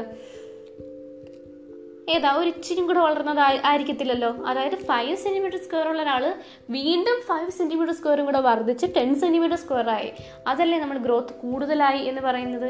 ഈവൻ ദോ രണ്ടുപേരും ഫൈവ് സെന്റിമീറ്റർ സ്ക്വയർ ആണ് വർദ്ധിച്ചതെങ്കിലും ഒരിലയ്ക്ക് അതിന്റെ ഒപ്പം അത് എത്ര ഉണ്ടായിരുന്നോ അതിന് എത്ര ഉണ്ടായിരുന്നോ അതിന്റെ ഒപ്പം തന്നെ വീണ്ടും വർദ്ധിച്ചു. അതായത് വേറെ എക്സാമ്പിളായിട്ട് പറഞ്ഞത് ഇലയല്ലാതെ രണ്ട് കുട്ടികളുണ്ടായിരുന്നു. രണ്ട് കുട്ടികൾക്ക് നാൽപ്പത് കിലോ ആയിരുന്നു അവരുടെ വെയിറ്റ് എന്ന് കരുതുക. ഓക്കെ രണ്ട് കുട്ടികളല്ല. ഒരു കുട്ടിക്ക് നാൽപ്പത് കിലോ ആയിരുന്നു വെയിറ്റ് അവൻ എന്തായിട്ട് മാറി? അവന്റെ വെയിറ്റ് എൺപത് കിലോ ആയിട്ട് മാറി. ഒരു വർഷത്തിനുള്ളിൽ അവന്റെ വെയിറ്റ് എന്തുമായിട്ട് മാറി? എൺപത് കിലോ. ഓക്കെ പക്ഷേ അതേസമയം മറ്റൊരു കുട്ടി ഉണ്ടായിരുന്നു. അവന്റെ വെയിറ്റ് എന്ന് പറഞ്ഞാൽ എന്താണ്? അവന്റെ വെയിറ്റ് എന്താ പറയുക okay wait let me think okay ഒരാളുടെ നാൽപ്പത് കിലോ എൺപത് കിലോ ആയിട്ട് മാറി. അതായത് അയാൾ നാൽപ്പത് കിലോ ഇൻക്രീസ് ആയി. ബട്ട് മറ്റൊരാൾ ഓൾറെഡി അമ്പത് കിലോ വെയിറ്റ് ഉണ്ടായിരുന്നു. ബട്ട് ഇപ്പോൾ പുള്ളിക്ക് എത്ര വെയിറ്റ് ഉണ്ട്? ഇപ്പോൾ പുള്ളിക്ക് എത്ര? വീണ്ടും നാൽപ്പത് കിലോ കൂടിയിട്ട് തൊണ്ണൂറ് കിലോ ആയിട്ട് മാറി. നമുക്ക് നോക്കുമ്പോൾ എന്താ പറയുക രണ്ടു പേർക്കും വെയിറ്റ് വെച്ചിട്ടുണ്ട്. പക്ഷേ ഉണങ്ങിയിരുന്ന നാൽപ്പത് കിലോ ഉണ്ടായിരുന്ന ഒരാൾ എൺപത് കിലോ വണ്ണം ആയതാണോ നമ്മൾ ശ്രദ്ധിക്കുന്നത്? അതോ ഇച്ചിരിയൊക്കെ വണ്ണം ഉണ്ടായിരുന്ന ഒരാൾ കുറച്ചും കൂടെ വണ്ണം വെച്ച് തൊണ്ണൂറ് കിലോ ഏതാണോ ഉദ്ദേശിക്കുന്നത്? പെട്ടെന്ന് സ്ട്രൈക്ക് ചെയ്യുന്നത്. പെട്ടെന്ന് സ്ട്രൈക്ക് ചെയ്യുന്നത് ഒരാൾ അയാൾക്ക് എന്തോരം ഉണ്ടായിരുന്നു അത്രത്തോളം വീണ്ടും വർദ്ധിക്കുമ്പോഴല്ലേ?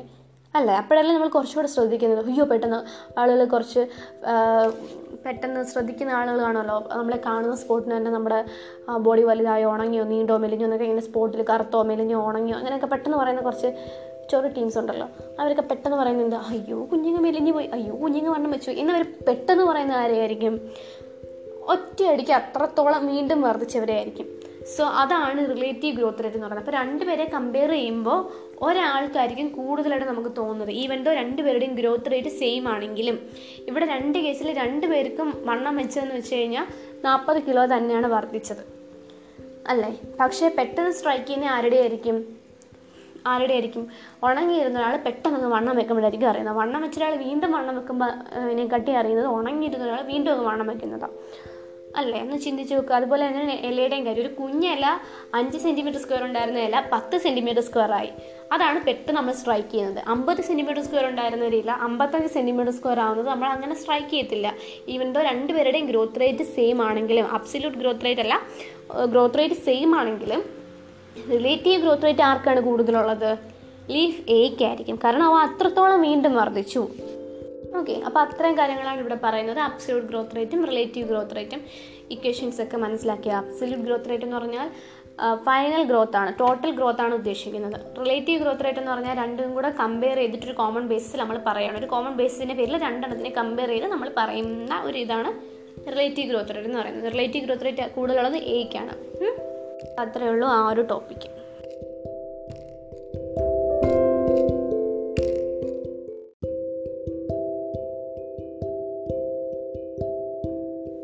ഇനി അടുത്തതായിട്ട് കണ്ടീഷൻസ് ഫോർ ഗ്രോത്ത് വളർച്ചയ്ക്ക് ആവശ്യമായിട്ടുള്ള കണ്ടീഷൻസ് എന്തെല്ലാം? Fifteen point one point five എന്തൊക്കെയാണ്?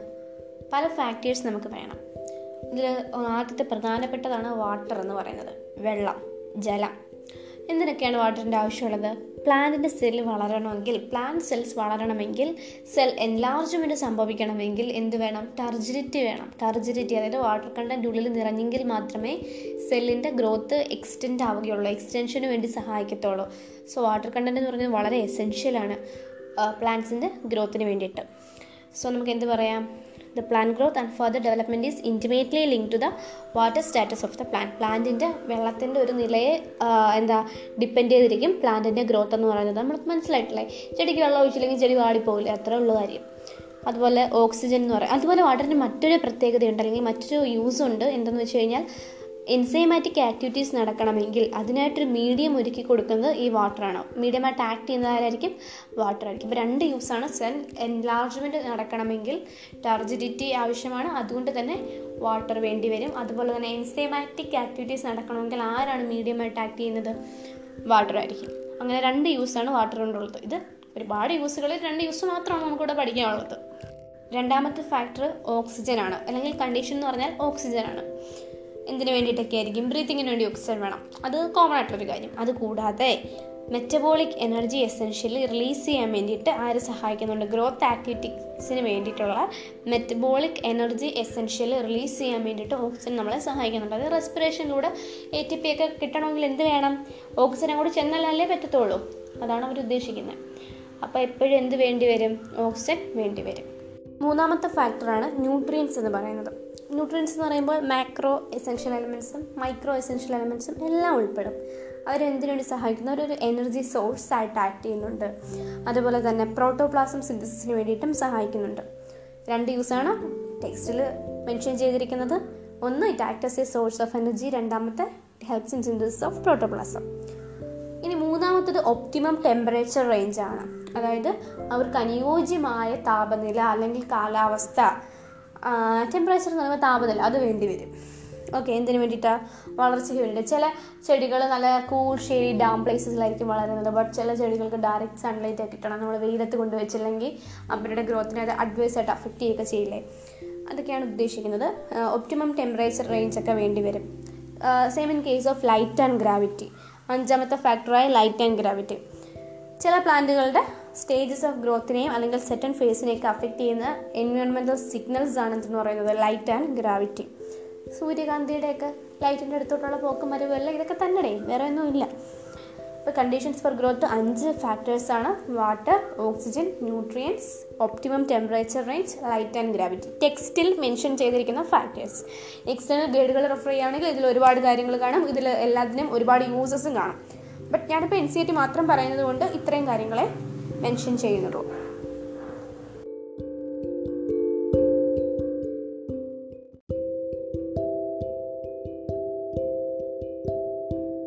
അടുത്തതായിട്ട് നമുക്ക് ഫോട്ടോ പീരിയോഡിസം എന്ന ടോപ്പിക്ക് നോക്കാം. അത് ഫിഫ്റ്റീൻ പോയിന്റ് ഫൈവിലെ കണ്ടന്റാണ് അതായത് ലാസ്റ്റിൽ ഫോട്ടോ പീരിയോഡിസം മെർണലൈസേഷൻ അതുപോലെ ഡോർമെൻസി അങ്ങനെ കുറച്ച് കാര്യങ്ങൾ പഠിക്കുന്നുണ്ട്. അപ്പം നമ്മളിപ്പോൾ സ്കിപ്പ് ചെയ്തൊരു ടോപ്പിക് എന്ന് വെച്ച് കഴിഞ്ഞാൽ P G Rs plant growth regulators എന്ന് പറയുന്ന ഫിഫ്റ്റീൻ പോയിന്റ് ഫോറിലെ ടോപ്പിക്ക് നമ്മൾ സ്കിപ്പ് ചെയ്തു. അതുപോലെ fifteen point ടൂവിലെ differentiation de differentiation re differentiation fifteen point ത്രീയിലെ development അതെല്ലാം സ്കിപ്പ് ചെയ്തിട്ടാണ് ഞാനിപ്പം എന്ത് പറയാൻ പോകുന്നത്? ലാസ്റ്റിലെ മൂന്ന് കുഞ്ഞു കുഞ്ഞു ടോപ്പിക്കുകൾ ടച്ച് ചെയ്യാൻ കയറിയത് ഞാനിത് എടുക്കാമെന്ന് വിചാരിക്കാൻ റീസൺ എനിക്ക് മുമ്പത്തെ ടോപ്പിക്ക് എടുക്കുന്നതിനിടയ്ക്ക് ഒരുപാട് വട്ടം ഈ ആപ്പ് ക്രാഷ് ആവുകയും ഒരുപാട് വട്ടം ഞാൻ ട്രൈ ചെയ്തിട്ടാണ് ആ കുറേ ടോപ്പിക് കിട്ടത് അങ്ങനെ എന്റെ മൂഡ് കംപ്ലീറ്റ് ഔട്ടായി ബട്ട് എനിക്ക് ടൈം ഇല്ലാത്തതിനാലും എനിക്കിത് ചെയ്യണമെന്നുള്ളതിനാലും ഒരു വെറൈറ്റിക്ക് വേണ്ടി ഞാൻ ബാക്ക് ചെയ്യുന്നു വരും അതെപ്പോഴും എന്റെ വിഷയമില്ല. നമുക്കൊന്ന് ജസ്റ്റ് എന്തെങ്കിലും ഒന്ന് ഒരു ഒരു ബ്ലോക്ക് ഉണ്ടായാൽ നമ്മൾ വേറൊരു വഴി കൂടെ ആ റൂട്ടിലെത്താൻ ശ്രമിക്കുമല്ലോ. അതുപോലെ പഠിക്കുന്ന തരത്തിലൊരു ബ്ലോക്ക് ഉണ്ടാകുമ്പോൾ നമ്മൾ ഒരു മൂഡ് ഓഫ് ഒക്കെ വരുമ്പോൾ വേറൊരു രീതിയിൽ കൂടെ എഴുതാൻ നോക്കണം. അല്ലെങ്കിൽ ആ ഒരു നമ്മുടെ ലക്ഷ്യത്തിലെത്താൻ ശ്രമിക്കണം.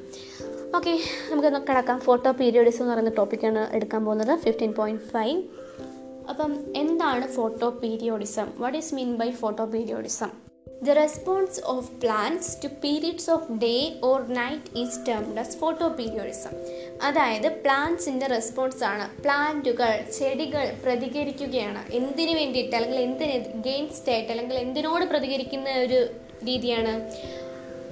രാവിനോടും പകലിനോടും അതിന്റെ ഒരു സമയ ആ ഒരു ദൈർഘ്യത്തിനോട് periods of day or night രാവിന്റെയും പകലിന്റെയും ദൈർഘ്യത്തിനോട് പ്ലാന്റ്സ് റെസ്പോണ്ട് ചെയ്യുകയാണ്. അതായത് അവർ പ്രതികരിക്കുന്ന അല്ലെങ്കിൽ എങ്ങനെയാണ് അവർ അതുമായിട്ട് റിലേറ്റഡ് ആവുന്നത് അല്ലെങ്കിൽ അതെങ്ങനെയൊക്കെയാണ് പ്ലാന്റ്സിനെ ഇൻഫ്ലുവൻസ് ചെയ്യുന്നത്. അതായത് ആ ടൈം പീരീഡ് ഡേ ഇത്രമാത്രം അല്ലെങ്കിൽ നൈറ്റ് ഇത്രമാത്രം അതെങ്ങനെയെങ്കിലും ചെടികളെ ഇൻഫ്ലുവൻസ് ചെയ്യുമെങ്കിൽ ആ ഒരു ഇൻഫ്ലുവൻസ് അല്ലെങ്കിൽ ആ ഒരു റിലേഷൻ അല്ലെങ്കിൽ ആ ഒരു ഇൻഫ്ലുവൻസ് അല്ലെങ്കിൽ ആ ഒരു റെസ്പോൺസ് ആണ് നമ്മൾ എന്തെന്ന് കൊണ്ട് ഉദ്ദേശിക്കുന്നത്? ഫോട്ടോ പീരിയോഡിസം അതായത് ഡേ ടൈമും നൈറ്റ് ടൈമും ഡാർക്ക് പീരീഡും അതുപോലെ ലൈറ്റ് പീരീഡും ചെടികളെ അഫക്റ്റ് ചെയ്യുന്നുണ്ട്. അതിനനുസരിച്ച് ചെടികൾ അല്ലെങ്കിൽ പ്ലാന്റ്സ് റെസ്പോണ്ട് ചെയ്യുന്നുണ്ട്. ആ ഒരു ഫിനോമിനൻ അതിനെയാണ് നമ്മൾ ഫോട്ടോ പീരിയോഡിസം എന്ന് പറയുന്നത്. The response of plants to periods of day or night is termed as photoperiodism plants respond ചെയ്യുന്നു രാവിന്റെയും പകലിന്റെയും ആ ഒരു ദൈർഘ്യത്തിനോട് അല്ലെങ്കിൽ അവരുടെ ഒരു എന്തുമാത്രം ഉണ്ടാകുന്നു അല്ലെങ്കിൽ എന്തുമാത്രം രീതിയിലാണ് അത് കൂടുതൽ തണുപ്പാകുന്നു ചൂടാകുന്നു എന്നതിനോടെല്ലാം അങ്ങനെ കുറച്ച് ഫാക്ടേഴ്സിനോടെല്ലാം ചെടികൾ റെസ്പോണ്ട് ചെയ്യുന്നുണ്ട്. അപ്പോൾ ആ ഒരു റെസ്പോണ്ടിങ് ആ ഒരു സംഭവമാണ് നമ്മൾ എന്തെന്ന് ഉദ്ദേശിക്കുന്നത്? ഫോട്ടോ പീരിയോഡിസം എന്നതുകൊണ്ട് ഉദ്ദേശിക്കുന്നത്. രാവിനോട് മാത്രമോ അല്ലെങ്കിൽ പകലിനോട് മാത്രമല്ല ഒരു കോമ്പിനേഷനോട് തന്നെയാണ് പ്ലാന്റ്സ് അഫക്റ്റ് ചെയ്യുന്നത് നമുക്ക് മനസ്സിലാവും. അല്ലെങ്കിൽ അവർ റെസ്പോണ്ട് ചെയ്യുന്നത് നമുക്ക് മനസ്സിലാവും. എനിവേ നമുക്ക് തുടക്കത്തിൽ നിന്ന് തന്നെ വരാം. അപ്പം എന്താണ് ഫോട്ടോ പീരിയോഡിസം എന്ന് മനസ്സിലായി കഴിഞ്ഞു? ഇനി ഈ ഫോട്ടോ പീരിയോഡിസം അനുസരിച്ച് അല്ലെങ്കിൽ എന്തിനെ എങ്ങനെയാണ് അഫക്റ്റ് ചെയ്യുന്നത്? Periodic exposure to light to induce flowering ചില പ്ലാന്റ്സിന് പീരിയോഡിക് എക്സ്പോഷർ ടു ലൈറ്റ് വേണം. അതായത് ലൈറ്റിന് ഇടയ്ക്ക് ലൈറ്റുമായിട്ട് ഒരു എക്സ്പോഷർ വരണം. ഫ്ലവറിങ് നടക്കണമെങ്കിൽ. പൂക്കാലം വരണമെങ്കിൽ. അല്ലെങ്കിൽ പൂക്കണമെങ്കിൽ എന്ത് വേണം? വെളിച്ചം വേണം. അല്ലെങ്കിൽ വെളിച്ചത്തിന്റെ ആവശ്യമുണ്ട്. മനസ്സിലായോ? അപ്പം നമ്മളിപ്പോൾ ചില ചെടികൾ തണലത്തൊക്കെ ഇരുന്ന് കഴിഞ്ഞാൽ പൂക്കില്ല. അത് അതുപോലെ തന്നെ ആയിരിക്കും. നമ്മൾ വെയിലത്തോട്ടൊക്കെ കൊണ്ട് വെച്ച് കഴിഞ്ഞാൽ അത് പൂ തൊലഞ്ഞ് കിടക്കുന്നതായിട്ടും കാണാം. അല്ലെങ്കിൽ വെയിലത്തുള്ള ചെടികൾ നന്നായിട്ട് കിടക്കുന്നതും തണലത്തുള്ളത് കുറച്ച് ഇരുണ്ട് അതിങ്ങനെ പൂക്കാണ്ടൊക്കെ ഇരിക്കുന്നതും കാണാം. അപ്പോൾ അതൊക്കെ എന്തുകൊണ്ടാണ്? ചില ചെടികൾക്കേ ഉള്ളൂ. അങ്ങനെ എല്ലാ ചെടികളും ഒരേപോലെയല്ല. പല ചെടികളും പല രീതിയിലാണ് ഫോട്ടോ പീരിയഡ്സിനോട് റെസ്പോണ്ട് ചെയ്യുക. അല്ലെങ്കിൽ ആ ഒരു ഡേ ടൈമിനോടും നൈറ്റ് ടൈമിന്റെ ആ ഒരു ദൈർഘ്യത്തിനോട് റെസ്പോണ്ട് ചെയ്യുക. അപ്പോൾ എന്തിനു വേണ്ടിയിട്ട്? എങ്ങനെയാണ് അതിനെ ലൈറ്റിന്റെ ആവശ്യം എന്തിനാണ്? പീരിയോഡിക് എക്സ്പോഷർ ടു ലൈറ്റ് എന്തിനാണ്? To induce flowering flowering induce ചെയ്യാൻ വേണ്ടിയിട്ട് അവർക്ക് ലൈറ്റുമായിട്ടുള്ള പീരിയോഡിക് എക്സ്പോഷർ വേണം. പിന്നെ ചില പ്ലാന്റുകൾക്ക് ഈ ഒരു ദൈർഘ്യത്തിന്റെ മെഷറിനനുസരിച്ച് അവർക്ക് മാറ്റങ്ങൾ വരാം. It is also seen that such plants are able to measure the duration of exposure to light for example നമ്മൾ പല തരത്തിൽ ചെടികളെ തിരിക്കുന്നുണ്ട്. അതായത് long day plants short day plants day neutral plants അതായത് നമ്മൾ ക്രിട്ടിക്കൽ ഫോട്ടോ പീരീഡ് എന്ന് പറയുന്ന ഒരു ഒരു ഒരു പോയിന്റ് നമ്മൾ അസ്യൂം ചെയ്യണം. അല്ലെങ്കിൽ അങ്ങനെ ഒരു പോയിന്റ് ഉണ്ട്. ഫിഗർ ഫിഫ്റ്റീൻ പോയിന്റ് ട്വൽവ് നോക്കിക്കഴിഞ്ഞാൽ നമുക്കതിൽ കാണാൻ കഴിയും. നോക്കിക്കേ ക്രിട്ടിക്കൽ ഫോട്ടോ പീരീഡ് എന്നും പറഞ്ഞൊരു ഓറഞ്ച് ലൈൻ സെന്ററിലൂടെ പോയേക്കുന്നുണ്ടോ? ആദ്യത്തെയും രണ്ടാമത്തെയും ഫിഗറിൽ ആ കാണിച്ചിരിക്കുന്നത് ആദ്യം കാണിച്ചിരിക്കുന്നത് ലോങ് ഡേ പ്ലാന്റ് ആണ്. ലോങ് ഡേ പ്ലാന്റ് എന്ന് പറഞ്ഞാൽ അത് ക്രിട്ടിക്കൽ ഫോട്ടോ പീരീഡ് ആ ഒരു പോയിന്റിന് താഴെയാണ് ഫോട്ടോ പീരീഡിസം അല്ലെങ്കിൽ ആ ഒരു എക്സ്പോഷർ ഓഫ് ലൈറ്റ് എന്നുണ്ടെങ്കിൽ അവർ എന്ത് ചെയ്യത്തില്ല? അവർ ഫ്ലവർ ചെയ്യത്തില്ല. അതിന് ആ ഒരു ക്രിട്ടിക്കൽ ഫോട്ടോ പീരീഡിന് എബോവ് ആണെങ്കിൽ മാത്രമേ എക്സ്പോസ്ഡ് ആണെങ്കിൽ മാത്രമേ അവർ എന്ത് ചെയ്യത്തുള്ളൂ? ഫ്ലവർ ചെയ്യത്തുള്ളൂ. സോ നമുക്ക് എന്ത് പറയാം? Some plants require the exposure to light for a period exceeding a well defined critical duration duration നമ്മൾ ഒരു വെൽ ഡിഫൈൻഡ് ആയിട്ടുള്ള ഒരു ക്രിട്ടിക്കൽ ഡ്യൂറേഷൻ വെച്ചിട്ടുണ്ട്. അപ്പോൾ അതിലും കൂടുതൽ നേരം വെയിലത്തിരുന്നെങ്കിൽ മാത്രമേ അല്ലെങ്കിൽ ലൈറ്റിന്റെ സാന്നിധ്യം കിട്ടിയെങ്കിൽ മാത്രമേ അവർ എന്ത് ചെയ്യത്തുള്ളൂ? പൂക്കത്തുള്ളൂ. അവർക്ക് ഫ്ലവർ ചെയ്യാൻ പറ്റത്തുള്ളൂ. ഫ്ലവറിങ് ഇൻഡ്യൂസ് ചെയ്യാൻ സാധിക്കത്തുള്ളൂ. അവരെ നമ്മൾ വിളിക്കുന്ന പേരാണ് ലോങ് ഡേ പ്ലാന്റ്സ് എന്നാൽ തൊട്ടപ്പുറത്തെ നോക്കിക്കേ ആ ക്രിട്ടിക്കൽ ഫോട്ടോ പീരിയഡ് കണ്ടീഷന് തൊട്ട് താഴെ വന്നെങ്കിൽ മാത്രമേ അതിൽ താഴെയാണെങ്കിൽ മാത്രമേ അവിടെ പൂക്കാലം വരുന്നുള്ളൂ പൂക്കുന്നുള്ളൂ ആ ചെടി. അതിന് മുകളിലോട്ടാകുമ്പോൾ അവിടെ പൂവില്ല. അല്ലേ? അങ്ങനെയല്ലേ കാണിച്ചിരിക്കുന്നത്? സോ അവിടെ എന്താ കാണിക്കുന്നത്? It must be expose to light for a period less than the critical duration അതായത് ക്രിട്ടിക്കൽ ഡ്യൂറേഷനിലും താഴെ മാത്രം വെയിൽ കൊണ്ടാൽ മതി. അല്ലെങ്കിൽ ലൈറ്റിന്റെ ഒരു എഫക്റ്റ് ഉണ്ടായാൽ മതി. എങ്കിൽ മാത്രമേ അവിടെ എന്ത് സംഭവിക്കുന്നുള്ളൂ? ഫ്ലവറിങ് നടക്കുന്നുള്ളൂ. അല്ല അതിൽ കൂടുതലായാൽ അത് ഇൻഹിബിറ്റ് ആയി പോവുകയാണ് ചെയ്യുന്നത്. മനസ്സിലായോ? അങ്ങനെയുള്ളവരെ നമ്മൾ ഷോർട്ട് ഡേ പ്ലാൻസ് എന്ന് വിളിക്കും. അവർ ഷോർട്ട് ഡേ കുറച്ച് നേരത്തെ വെളിച്ചം പകൽ വെളിച്ചം അല്ലെങ്കിൽ എനി സോർട്ട് ഓഫ് ലൈറ്റ് അത് അതുമാത്രം എക്സ്പോസ്ഡ് ആയാൽ അത്രമാത്രം എക്സ്പോസ് ലൈറ്റുമായിട്ട് കിട്ടിയാൽ മതി എന്നുണ്ടെങ്കിൽ അവരെ നമ്മൾ ഷോർട്ട് ഡേ പ്ലാൻസ് എന്ന് വിളിക്കും.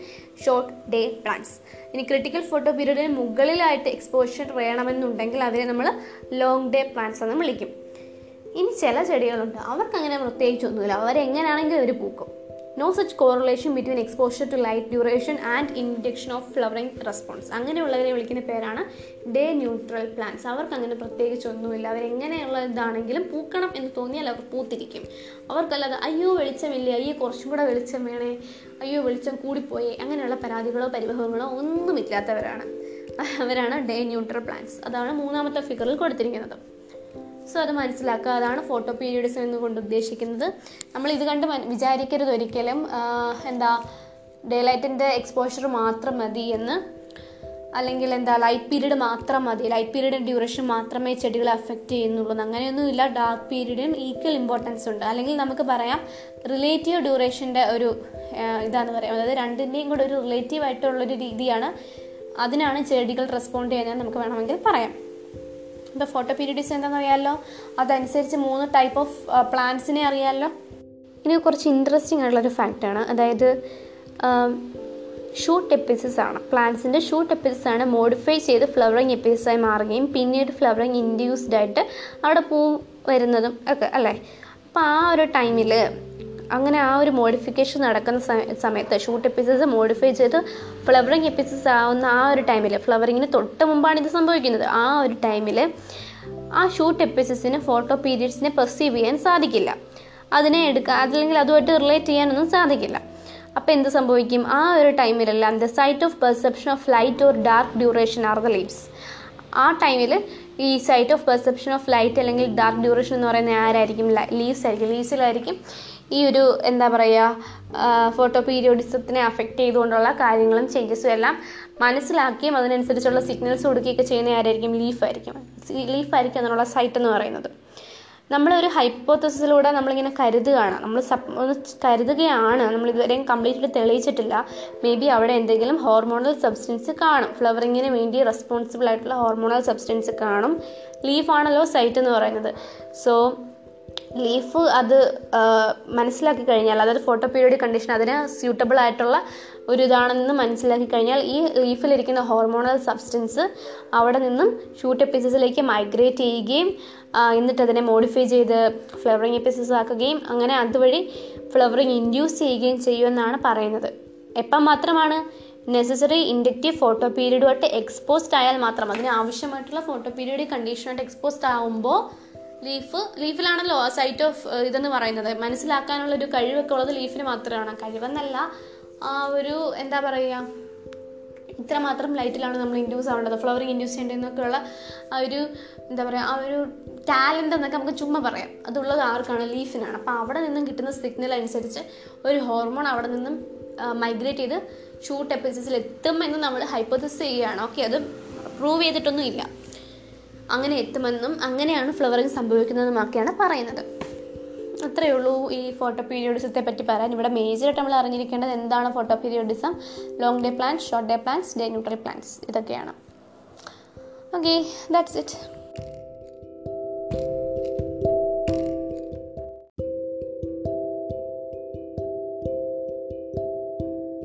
fifteen point six vernalization എന്താണ് വെനലൈസേഷൻ? വെനലൈസേഷൻ എന്നുള്ളൊരു വാക്ക് ലാറ്റിനിൽ നിന്നാണ് വന്നിരിക്കുന്നത്. അർത്ഥം എന്ന് പറയുന്നത് ഓഫ് ദ സ്പ്രിങ് എന്നാണ്. ഓഫ് ദ സ്പ്രിങ് അതവിടെ നിൽക്കട്ടെ. നമുക്ക് കാര്യത്തിലേക്ക് കിടക്കാം. എൻ സി ആർ ടിയിലേക്ക് കിടക്കാം.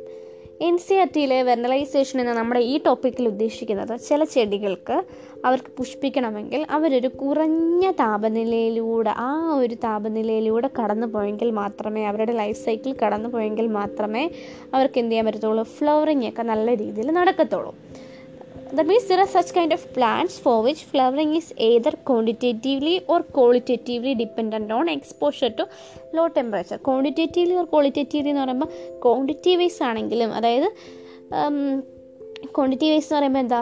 ക്വാണ്ടിറ്റി എന്ന് പറയുമ്പോൾ ഒരുപാട് നാളത്തെ തണുപ്പെന്നല്ല അതെ ഒരുപാട് നാളത്തെ തണുപ്പ് ഒരുപാട് മാസത്തെ തണുപ്പ് അല്ലെങ്കിൽ ക്വാളിറ്റേറ്റീവ്ലി അതായത് ഒരു മാസത്തെ തോനെയും തണുപ്പ്. ഇറ്റ്സ് ക്വാളിറ്റി ക്വാണ്ടിറ്റി വ്യത്യാസം നിങ്ങൾക്ക് മനസ്സിലാവുമല്ലോ. ഇങ്ങനത്തെ ആണെങ്കിലും അവർക്ക് ആ ഒരു തണുത്ത കാലഘട്ടത്തിലൂടെ കടന്നു പോയെങ്കിൽ മാത്രമേ ഫ്ലവർ ചെയ്യാൻ പറ്റത്തുള്ളൂ. സിമ്പിൾ അങ്ങനെ മനസ്സിലാക്കി വെക്കുക. അതാണ് വെർണലൈസേഷൻ കൊണ്ട് ഉദ്ദേശിക്കുന്നത്. അതായത് കുറച്ചും കൂടെ നമ്മൾ ഡീപ്പായിട്ട് പറയുകയാണെങ്കിൽ it prevents precocious reproductive development late in the growing season and enables the plant to have sufficient time to reach maturity. അപ്പോൾ എന്താ പറയുക അവർക്കൊരു തണുത്ത ഒരു ടൈമിലൂടെ പോയെങ്കിൽ മാത്രമേ എന്ത് ചെയ്യാൻ പറ്റത്തുള്ളൂ ഫ്ലവറിങ് നടക്കത്തുള്ളൂ. പെട്ടെന്ന് ഒരു തണുപ്പൻ പീരീഡിലൂടെ പോയാൽ പെട്ടെന്ന് നടക്കും. പക്ഷേ എന്ത് ചെയ്യത്തില്ല നല്ല സൈസിലൊന്നും എത്തത്തില്ല. അതായത് നമ്മുടെ ഒരു ഒരു നമ്മുടെ ഒരു ഇന്ത്യൻ ഒരു കേരളത്തിലൊക്കെ ഒരു രീതി അനുസരിച്ചാണെങ്കിൽ നമുക്ക് നവംബർ ഡിസംബർ പ്രത്യേകിച്ച് ഡിസംബറിലൊക്കെയാണ് നല്ല തണുപ്പുള്ളത്. അപ്പം വീറ്റും ബാർലി പോലുള്ള ഫുഡ് പ്ലാന്റ്സിന്റെ ഒരു പ്രത്യേകത അവർക്ക് രണ്ട് തരത്തിലുള്ള വെറൈ വെറൈറ്റീസ് ആണുള്ളത്. അതായത് വിന്റർ വെറൈറ്റീസും കാണും സ്പ്രിംഗ് വെറൈറ്റീസും കാണും. അല്ല നമുക്കിപ്പോൾ വിന്റർ വെറൈറ്റീസ് നോക്കാം. മീറ്റ് ആണ് നമ്മുടെ കയ്യിലുള്ളത്. നമ്മുടെ കയ്യിൽ വിന്റർ വെറൈറ്റി ആണുള്ളത് അതായത് അവർ വിന്റർ സീസണിലായിരിക്കും കൂടുതലായിട്ട് അവർക്ക് അവരുടെ റീപ്രൊഡക്റ്റീവ് ആയിട്ടുള്ള ഒരു സീസൺ എന്ന് പറയുന്നത് വിന്റർ സീസൺ ആയിരിക്കും. അവിടെ എത്തുമ്പോഴാണ് അവർക്ക് ഫ്ലവറിങ് ഒക്കെ ഇൻഡ്യൂസ് ആവുന്നത്. അപ്പോൾ നമ്മൾ എന്ത് ചെയ്യുന്നു? നമ്മളെ ഇരിക്കുന്ന ഈ വീറ്റ് വെറൈറ്റിയെ ഡിസംബറിലൂടെ കടന്നു പോകുമ്പോഴായിരിക്കും അത് വിന്റർ വെറൈറ്റി ആണല്ലോ. സോ അതെന്തായിരിക്കും? ഡിസംബറിലൂടെ കടന്നു പോകുമ്പോഴേ അത് നല്ല രീതിയിൽ പുഷ്പിക്കത്തുള്ളൂ. എങ്കിൽ മാത്രമേ നമുക്ക് അതിനെ ഹാർവെസ്റ്റ് ചെയ്യാൻ പറ്റത്തുള്ളൂ. അപ്പോൾ നമ്മൾ അതിനെ നവംബറിലാണ് നടുന്നതെങ്കിൽ എന്ത് സംഭവിക്കും? എങ്ങനെയാണെങ്കിലും ഒരു മാസത്തിനുള്ളിൽ അത് ഡിസംബറിലെ വിന്റർ സീസണിൽ എത്തിക്കഴിയുമ്പോഴത്തേക്കും പെട്ടെന്ന് അതെന്ത് ചെയ്യും? പെട്ടെന്ന് പുഷ്പിച്ച് പെട്ടെന്ന് നമുക്ക് ഹാർവെസ്റ്റ് കിട്ടും. പക്ഷേ അതൊരു നല്ലൊരു വെജിറ്റേറ്റീവ് ഫേസിലൂടെ കടന്നു പോയോ? ഇല്ല. അധിക നാൾ അതിന് വെജിറ്റേറ്റീവ് ഫേസിലൂടെ കടന്നു പോകാൻ പറ്റാത്തതിനാൽ ഉണ്ടാകുന്ന സൈസ് അതായത് ഗ്രെയിനിന്റെ സൈസ് വീറ്റിന്റെ സൈസ് എന്ന് പറയുന്നത് വളരെ ചെറുതായിരിക്കും. അല്ലെങ്കിൽ നല്ല രീതിയിലൊരു ഹാർവസ്റ്റ് ഒന്നും നമുക്ക് കിട്ടത്തില്ല. സോ അപ്പം നമ്മൾ എന്ത് ചെയ്യണം?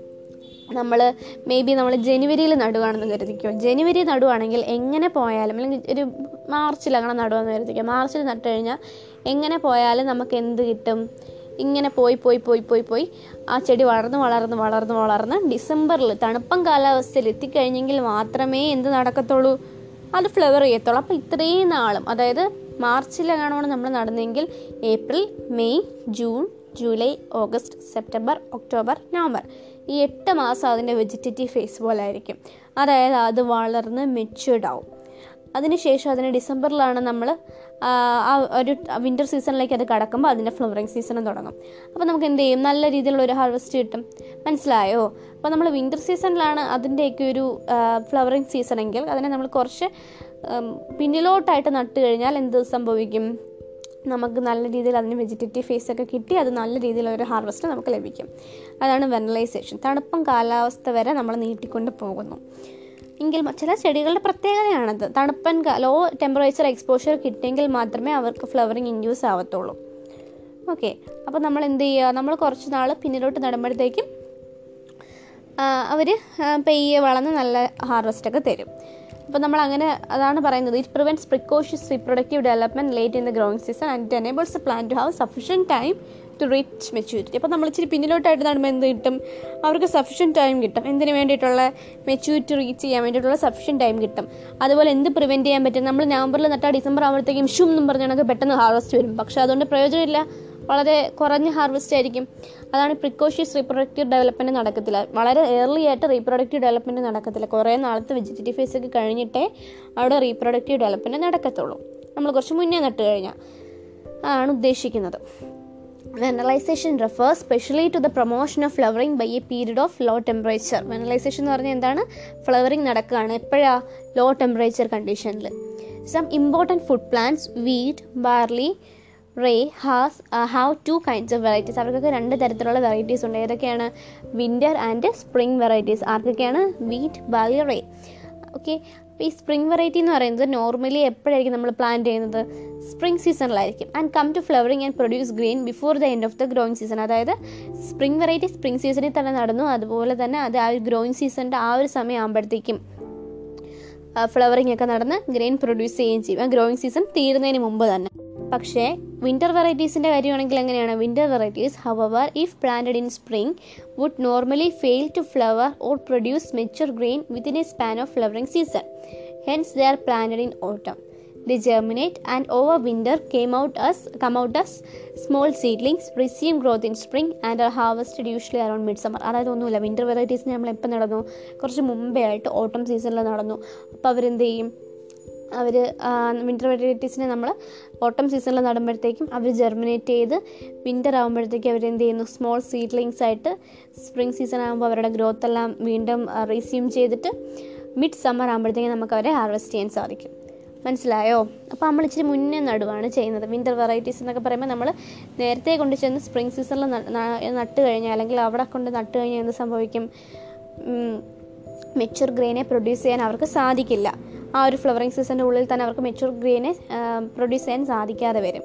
അപ്പോൾ നമ്മൾ എന്തെങ്കിലും കുറച്ച് പിന്നിലോട്ട് മാറി ഓട്ടം സീസണിൽ നട്ട് കഴിഞ്ഞാൽ ഓട്ടം സീസണിൽ അവർ ജെർമിനേറ്റ് ആയി വിന്റർ സീസണിലാകുമ്പോഴത്തേക്കും സ്മോൾ സീഡ്ലിങ്സ് ഒക്കെ വന്ന് സ്പ്രിംഗ് സീസണിലാകുമ്പോഴത്തേക്കും അവർ ഗ്രോത്ത് റിസ്യൂം ചെയ്ത് മിഡ് സമ്മർ ആകുമ്പോഴത്തേക്കും നമുക്ക് ഹാർവെസ്റ്റ് ചെയ്യാൻ സാധിക്കും. അതായത് അവർ ആ ഒരു റേഞ്ച് എന്ന് പറയുന്നത് അങ്ങ് എക്സ്പാൻഡ് ആവും. അവർക്ക് നല്ല മുറ്റിയ സീഡുകൾ കിട്ടും. മനസ്സിലായോ? അതാണ് ആ ഒരു പ്രത്യേകത. ചെറിയ ഡൗട്ടുകൾ വരുന്നുണ്ടല്ലേ? എനിക്കും വരുന്നുണ്ട്. അനന്തർ എക്സാമ്പിൾ വെനലൈസേഷൻ ഈ സീനിയൻ ബൈനിയൽ പ്ലാന്റ്സ് നമ്മളൊന്നും ഡൗട്ടൊന്നും വിചാരിക്കേണ്ട.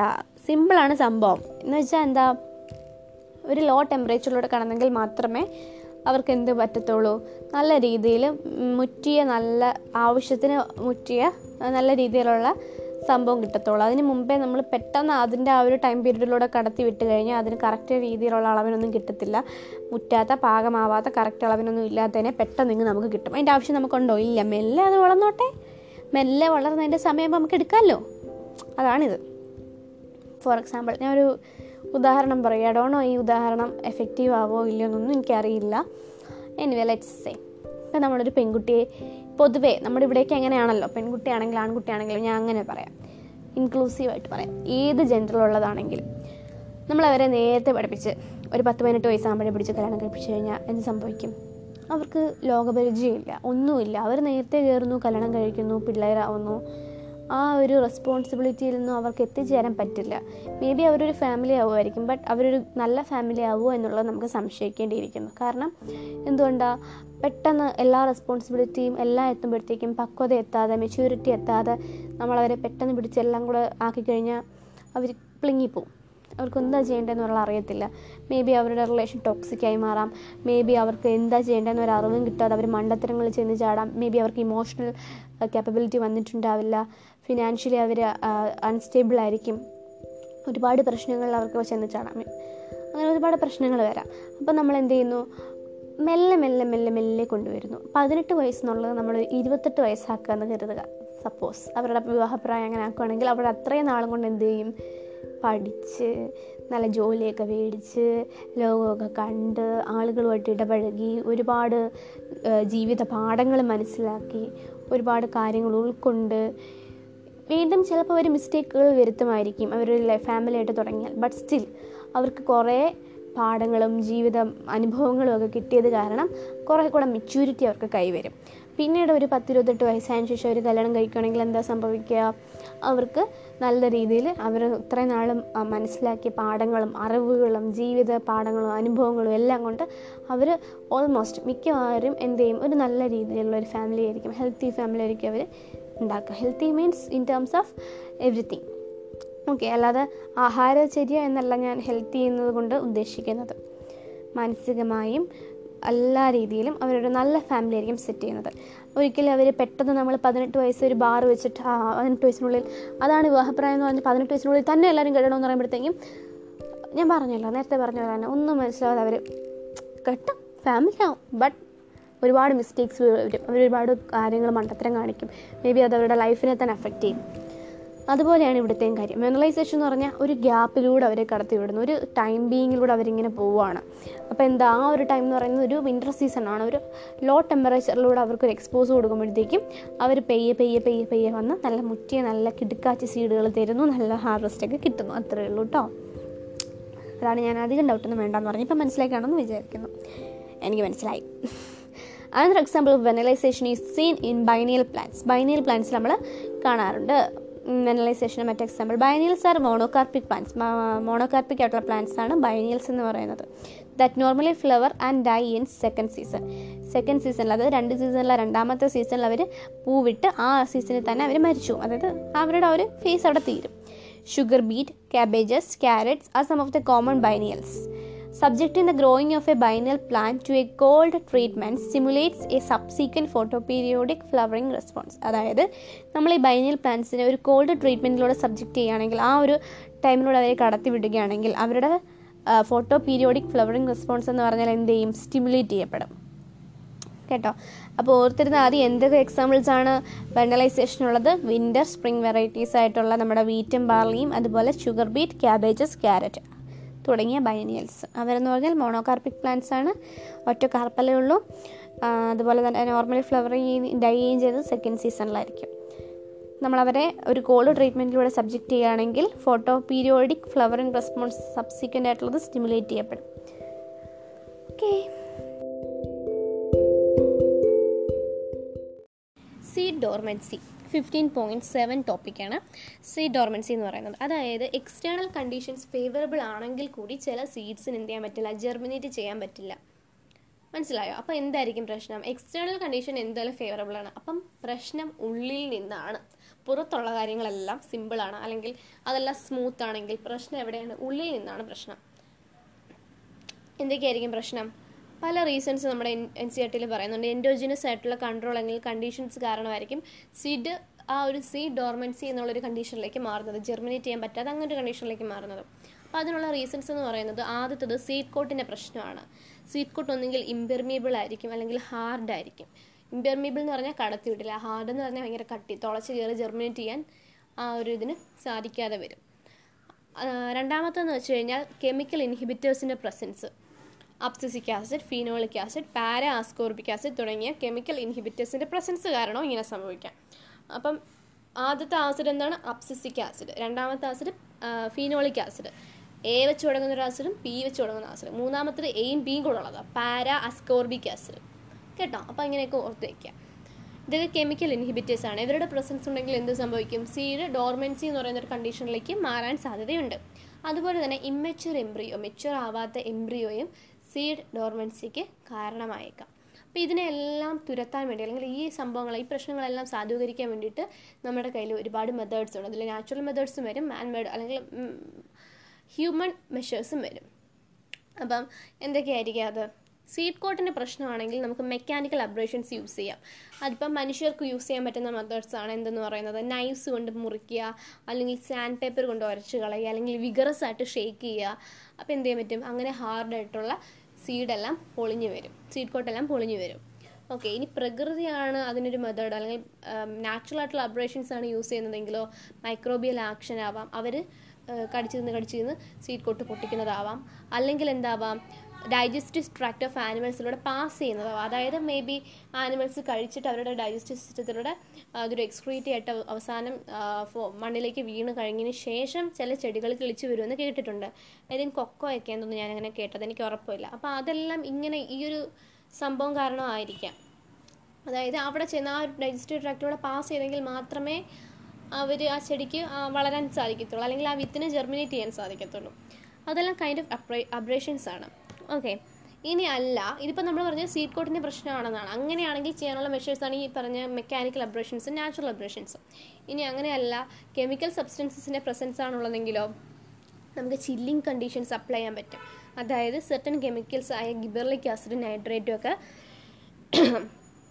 ആഡ് ചെയ്തിട്ട് ചില്ലിങ് കണ്ടീഷനിൽ വെച്ച് കഴിഞ്ഞാൽ ഇൻഹിബിറ്ററി സബ്സ്റ്റൻസിന്റെ ഇഫക്റ്റ് നമുക്ക് റിമൂവ് ചെയ്യാൻ സാധിക്കും. Effect of inhibitory substances can be remove by subjecting the seeds to chilling conditions or by application of certain chemicals like gibberellic acid and nitrates ഇനി രണ്ടാമത്തേന്ന് വെച്ച് കഴിഞ്ഞാൽ എൻവയോൺമെന്റൽ കണ്ടീഷൻസ് എല്ലാം നമുക്ക് ചേഞ്ച് ചെയ്യാൻ വേണ്ടി ചേഞ്ചിങ് ദ എൻവയോൺമെന്റൽ കണ്ടീഷൻസ് അതായത് ഈ ഒരു ഡോർമെൻസി മാറ്റാൻ വേണ്ടിയിട്ട് നമുക്ക് എൻവയോൺമെന്റൽ കണ്ടീഷൻസ് ഒന്ന് ചേഞ്ച് ചെയ്ത് നോക്കാം. Such light and temperature are other methods to overcome seed dormancy maybe നമ്മുടെ ആ ഒരു കാലാവസ്ഥയ്ക്ക് ഒന്ന് മാറ്റിക്കഴിഞ്ഞാൽ ചിലപ്പോൾ ചിലപ്പോൾ വളരെ ചിലപ്പം. ബിക്കോസ് മോസ്റ്റ് മോസ്റ്റ് പ്രോബ്ലം എന്തായിരിക്കത്തില്ല? അതായത് ഈ എക്സ്റ്റേണൽ ഫാക്ടേഴ്സ് ആയിരിക്കില്ല ഇൻഫ്ലുവൻസ് ചെയ്യുന്നത്. ഈ മെത്തേഡ്സ് ഒന്നും നമുക്ക് അപ്ലൈ ചെയ്തിട്ടും സ്വീകാര്യമായില്ല എന്നുണ്ടെങ്കിൽ നമുക്ക് എന്ത് ചെയ്യാൻ പറ്റും? ക്ലൈമറ്റിക് കണ്ടീഷൻസിനെ ഡിപ്പെൻഡ് ചെയ്യേണ്ടി വരും. അല്ലെങ്കിൽ ഈ ടെമ്പറേച്ചറൊക്കെ ഒന്ന് ചേഞ്ച് ചെയ്ത് നോക്കേണ്ടി വരും. ഓക്കെ സീ ഡോർമെൻസി ഓവർകം ചെയ്യാനായിട്ട്. അപ്പോൾ ഇതാണ് സീ ഡോർമെൻസി എന്താണ് സീ ഡോർമെൻസി എങ്ങനെയൊക്കെയാണ് ഉണ്ടാകുന്നത്? ഏതൊക്കെ ആസിഡുകളുടെ പ്രസൻസ് ആണ്? എന്തൊക്കെ രീതിയിലുള്ള മെഷേഴ്സാണ് നമ്മൾ എടുക്കേണ്ടത്? ഇത്രയൊക്കെയാണ് ഈ ഒരു ഫിഫ്റ്റീൻ പോയിന്റ് സെവനിൽ പറയുന്നത്.